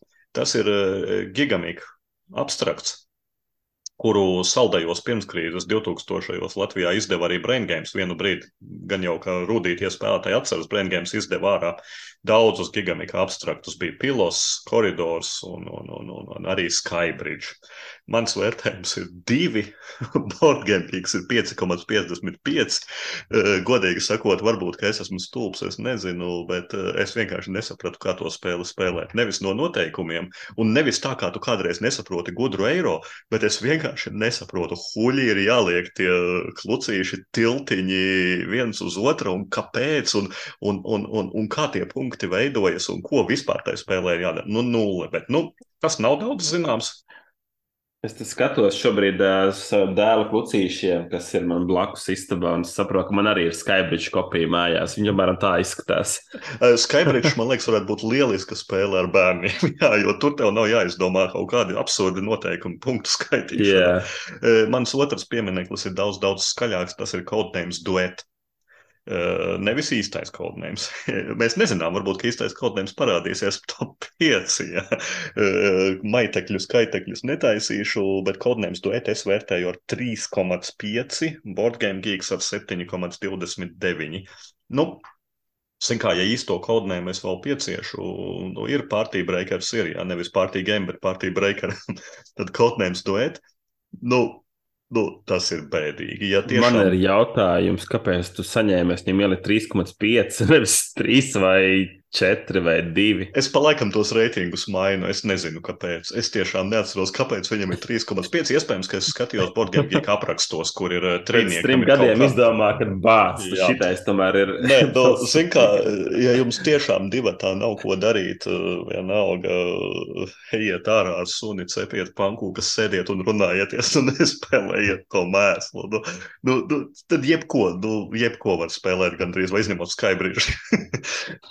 bet, bet Codenames duet, nu, reāli, Jā. reāli nesimpatizē. Nu, tie bija mani pieminekļi.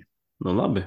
Es droši vien sāku piekto vietu, nu, jo man piektajā vietā vietu. nav pat īsta galda spēle, lai gan Toms to ir ielicis kādreiz uh, bezgalīgajā duelī. Pat, uh, un tas bija drausmīgākais bezgalīgais duels, kas var būt. Tas ir uh, Arī spēle, ko man liekas, Brīsīs pat izdeva. Lat. Viņi plānoja, bet man liekas, ka neizdeva. Viņi gribēja. Bet, uh, mm -hmm. Paldies Dievam, veselais saprāts atnāca. Tas ir makroskops. Jēziņ, cik tas ir drausmīgi. Mans vērtējums ir divi. Tu vienkārši, uh, tev ir kaut kāds zīmējums, tev kādu rimbuļu uzlikt, uzmet kauliņu un noņem rimbulu, un pēc tam pēc švīkām mēģina uzminēt, kas tāds ir. Tas ir absolūta katastrofa. Un es, piemēram, ieraugu svītru, un Toms ierauga tur uh, brilli. un loģiski viņš pasaka, ka tas ir uh, brille vai kas tam līdzīgs. un es Nē, nē, nē pēc, nesīju. pēc tam atnāk Zanda un saka, ka tas ir sīpols un viņa uzvar. Tāpēc, ka tā nebija ne svītra, ne brille. Tā tas ir sīpols vai pingvīns vēl labāk, jo Mārtiņš saka, ka tas bija pingvīns.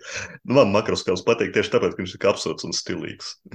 Es nevaru, viņš ir drausmīgs, nekad negribu redzēt. Viņu nav jā, Ok. okay. jāspēlē pē- pēc noteikumiem. Viņa vienkārši ir. Nu, nē, nu jā, nu tas, ka kādam atveras vairāk, krietni kaut kāda daļa no attēla, tas, protams, ka nobojā bišķiņu.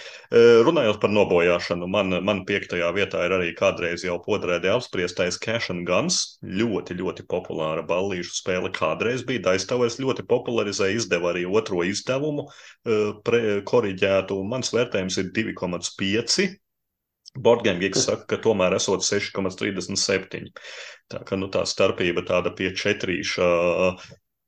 Nu, nav īsti. Ne jau tāpēc, tur, ka, kā daudziem amerikāņiem nepatīk, ka viens otram baksta stroķus degunā. Nē, bet tā naudas sadalīšana un visi tie mehānismi ir tik prasti un stulbi. Es teiktu, nu, pēc maz vai izkaujamies pie tā galda, sadalām to naudu, kas tur ir salikta. Viss, nu, nu, tā mētāšanās ar tām pistolēm un tā kartiņu likšana, kur, kur būtībā tu mini un, un, un, un, un kāds uz kādu var uzēsties. Un, nu, nepatīk. Ļoti nepatīk Cash and Guns. un Piektā vieta. Jā, jā. jā. Uh, arī man ceturtajā vietā ļoti zināma spēle. Tas patiesībā ir kreisā tokena pirmais uh, uzmetiens, vai viens no pirmajiem uzmetieniem. Precīzi neatceros, un tas ir uh, Mansions of Madness Second Edition. Kur uh, man liekas, ka spēlētājiem ir tik bēdīgs izvēles, tas, ko tu gājienā dari. Tu pāri divus gājienus un uzmet testu, lai paskatītos atvilknē, kas droši vien nofēlos. Uh, un viss tavs gājiens beidzās. Lasi tālāk, ko tev spēle spēlēs tavā vietā. Man nepatika, un viņš ir diezgan daudz definējis. Man arī nepatika par pārējām ārkām spēlēm, mm, kas uh, man žēl, jo man ļoti patīk tematika šeit. Tā kā Nu, jā, viss- mentions. Viss kārtībā, Morgan Gigs šajā gadījumā ar, ar, ar jūsu cienīto Tomu priekšgalā nepiekrīt Kristapam. Manchester Madness ir 51. vietā ar apaļu astotnieku, un, un, un, un tur viņam arī ir jāatrodas. Uh, Kristapam nav taisnība. Nē, nē, nē, Bet kam ir pilnīgi taisnība? Jā, nē, nu Kristaps varēs teikt, ka man nav taisnība. Man ceturtajā vietā, protams, ka ir uh, jau bijusi spēle. Man liekas, ka uzmetienā nejausmas, vai, vai tiešām ir bijusi un kurā sezonā uh, tā ir Konkordija. Konkordija, Mm. uh, mans vērtējums ir četri. Boardgame Geek publika dod 7,95. Un šis ir viens no tiem eiro, kuriem es neredzu ne eleganci, ne aizrautību, nu neko no tā visa, par ko Konkordiju slavē. Un, un, un kādēļ tā būtībā ir beigās top 20 spēle un tāds mūžs zaļais jau, nu, jau desmit gadus viņi ir principā uh, augstākajās vietās. Nu, nav es arī paplašinājumus pamēģināju, ok, paplašinājumu man viņu varbūt paceļ no 4 līdz 5, bet, nu, nu, kaut kas tur nav tā kartiņu mehānisms. Viņš liekas, klips tā spēle izskatās veca un, un, un tematiski viņa ir pilnīgi nekāda. Beigu, beigu skoringa veidošana man nepatīk. Nu, lielākā daļa no visa, kas ir par un ap Konkordiju, man nepatīk. Man nav ko komentēt. Konkordija ir lieliski. Man tagad ir atnācis paplašinājums. Turpin, turpināsim rullēt tālāk, karavāni iet priekš. No, Nu, tu atnāca. varēsi pie trešās manas vietas kārtīgi izpausties. Jā, par Konkordiju var nekomentēt. Mauc tālāk. Mācām tālāk, pie manas trešās vietas. Es nezinu, vai tas spēlēs, vai nezinu, kāds ir spēlējis, bet nevajag. Uh, tas ir Resident Evil deck building games. Protams, ka es esmu spēlējis Resident Evil deck building game. Mans ir divnieks. Es spēlēju vienu partiju, mums tā bija drausmīga. Neviens nevarēja nopirkt gandrīz nevienas kārtas. Uh, es nezinu, vai viņš bija sasatapots tā vai ko citādāk, bet uh, mēs pavadījām divas stundas absolūti uh, failojot, uh, neko neizdarot. Ne zombiļi varēja mūs apēst, ne mēs paši tikām uz priekšu. Man bija slikta pieredze. Es redzēju to spēli vēl kādreiz, bet pilnīgi bez nekādas vēlēšanās spēlēt. Īsti vairāk nevarēšu pakomentēt. Es neatceros, kāpēc es uh, tieši ieliku tik slikti. Nē, es devu otro iespēju un nedošu. Viss. aizmirstiet. Es kaut kādā veidā esmu devis otro iespēju. Es skatos, tagad esmu spēlējis divreiz vienā vakarā. Un, un, un es viņu vērtēju ar pieci, un, un man arī atmiņā, ka ta, tas nav no labākajiem degpildariem. Noteikti nav, ka tur ir daudz Mhm. vairāk liekas nejaušības kā citur, un, un, un daudz vairāk iespējas iesprūst, tieši tā kā Kristaps saka. Jā, Jā. nu, mana trešā vieta būs skaļa. Daudz skaļāka par Konkordiju. Tas ir Nemesis. E, Oho. Mans vērtējums ir četri. Borgemgīka vērtējums ir 7,9 augšgals. Nu, gandrīz Un man 8. ir desmit. Un tev ir 10. Nu. Jā. Kas tad tas ir, kas man tik ļoti nepatīk Nemesī? Jo, nu, būsim godīgi, vide, tēma, pasniegums ir super augstā līmenī. Mana problēma laikam ir ar to puskooperatīva ideju, kas Nemesī, manuprāt, ir realizēta ļoti, ļoti vāji. Es neredzu vispār jebkādu jēgu šajā spēlē, vienalga kādā formātā sadarboties ar jebkuru citu. Piemēram, jūs ejat divi gabali sadavušies rociņās, ieej istabā uzbrukt ciklētieši. Viens saka kauties, otrs saka, es domāju, ka es nepalīdzēšu, iešu prom. Da fuk! Vienkārši, ja spēles noteikumi pieļauj tādu bullshitu, tad ejam soli tālāk. Darām visu Battle Royale, nu, vai modernāk teikt, badaspēļu stilā. Dodam tādu spēles tēmu, kādai tai ir jābūt. Mēs visi pamodāmies kosmosa kuģī, mēs visi esam psihi, katram ir kaut kādi ieroči, visapkārt ložņā ciklētieši, mūsu uzdevums palikt pēdējiem dzīvajiem. Es neredzu nemesī nevienu iemeslu tā nerīkoties uzreiz no pirmā gājiena. Man nav nekādu indikāciju, nekā nulle, ko es varu izvērtēt, ko ir jādara pārējiem. Uh, Es vienkārši neredzu jēgu tēlot, ka tajā spēlē kāds sadarbojas un kaut ko gaidīt. Un es pat nerunāšu par spēlētāju izslēgšanas vai player elimination aspektu. Ja trīs līdz četru stundu spēlē kāds var izlidot pirmajā pusstundā, nu, izcili vai ne? Ej mājās. Nemesis Nu, nav nestrādā. tā, nav tā. Nemesis nav tā, nav tā. Tu nestrādā. nevari izlidot pirmajā pusstundā, ja tu neesi pilnīgs slašāra. Nu, redz, pilnīgi Ā. slašārajā. Nu, Nemesis nav atbilstošs modernam galda spēļu dizainam. Tas pārkāpj daudzus limitus, par kuriem jebkura cita spēle BKG un apskatos tiek iznīcināta. Un Nemesim neskapēc to visu piedod un tādēļ viņu vēl slavē. Nu, nē, nē, Jā. nav. Es varu domāt, piekrist, ka nemesim ir mīnus. Es gan teiktu, man liekas, papildināt, ka ā, spēlējot vairāk partijas, tev dzīme uz nemeša ku- ku- kuģi ievāc, ka tev gribās iet ar kādu kopā čau tomēr. Bet tas, ko nemesis dara un kāpēc viņš ir tik augstu, par spīti visiem mīnusiem, absolūti par spīti visiem mīnusiem, šī, viņš ir absolūti labākā spēle, kā spēles narratīvu, uztaisīt foršu stāstu elementus un interesantu stāstu uztaisīt bez lasīšanas kāršu.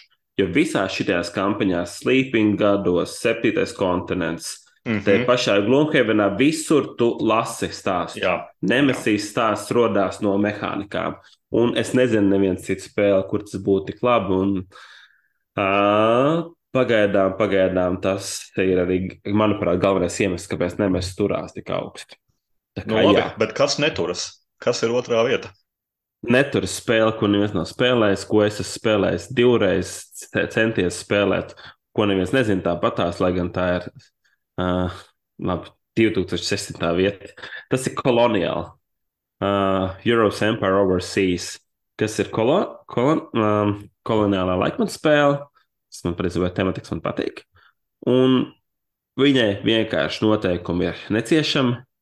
Tu spēlē, un šī ir no tām spēlēm, kur nenormāli, kāds nenormāli visi priecājās par to, ka tu esi uh, uzvarējis, un kāds uzvarējis, un paldies Dievam, šis vaiprāts beidzās.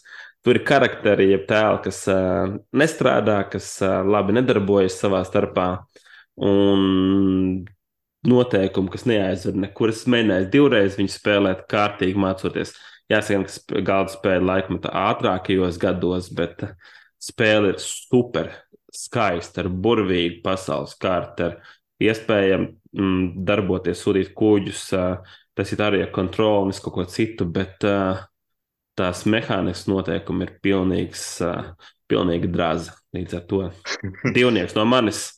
Un- piedodiet. Septītnieks no cilvēkiem. E, Pāriesim no super dziļiem noteikumiem un kaut kā uz kaut ko absolūti primitīvu un pilnīgu bullshit. Ir tāds uh, populārs izdevējs Point Games. Viņiem ir daudzi mazo spēļu hīti. Un uh, Mhm. man otrajā vietā ir Insider, kurš nenormāli patīk daistāvērim un visiem. Tāda Insidera ideja ir, uh, ka tu viens spēles vadītājs zini vārdu, un visi pārējie viņam uzdod jautājumus, uz ko viņam jāatbild jā vai nē. Viens no viņiem ir nodevējs, kurš, ja jūt, ka kompānija neaiziet pareizi uzdot, tad viņš var uzdot uzvedinošus jautājumus pa vidam. Spēles beigās vienkārši tiek minēts, kurš, kurš bija nodevējs. Oi, Ziniet, kā bieži vien šāda tipa spēlēm uzkarina uzvaras vai iznākuma nosacījumus, kas visu to pasākumu sabojā. Piemēram, telestrēšanas ja, ir tāda lieta. Vienkārša zīmēšanas aktivitāte. Es viņu esmu spēlējis, nu, nevis pašu telestrēšanu, bet vienkārši uz papīra uzzīmē un kāda aizloka un kādam jāuzraksta, kas tur bija, un nākamais atkal uzzīmē. Super. Bet tad, kad tur sāk skaitīt punktus, kurš ir uzvarējis, nu, piedodiet man.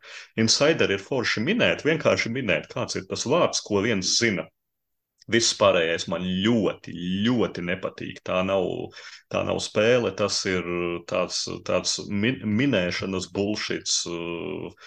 Es vērtēju ar divi.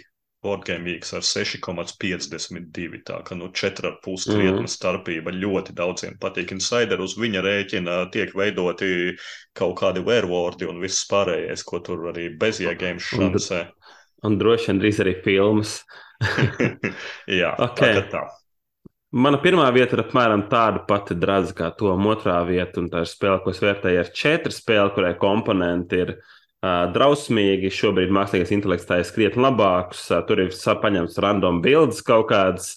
Uh, stāsts ļoti bieži ir neloģisks, un vairāk vai mazāk to spēle labi ar kaudz kāršu, kur tu mēģini izzīmēt kaut ko no viena, kas tur dara vai nedara.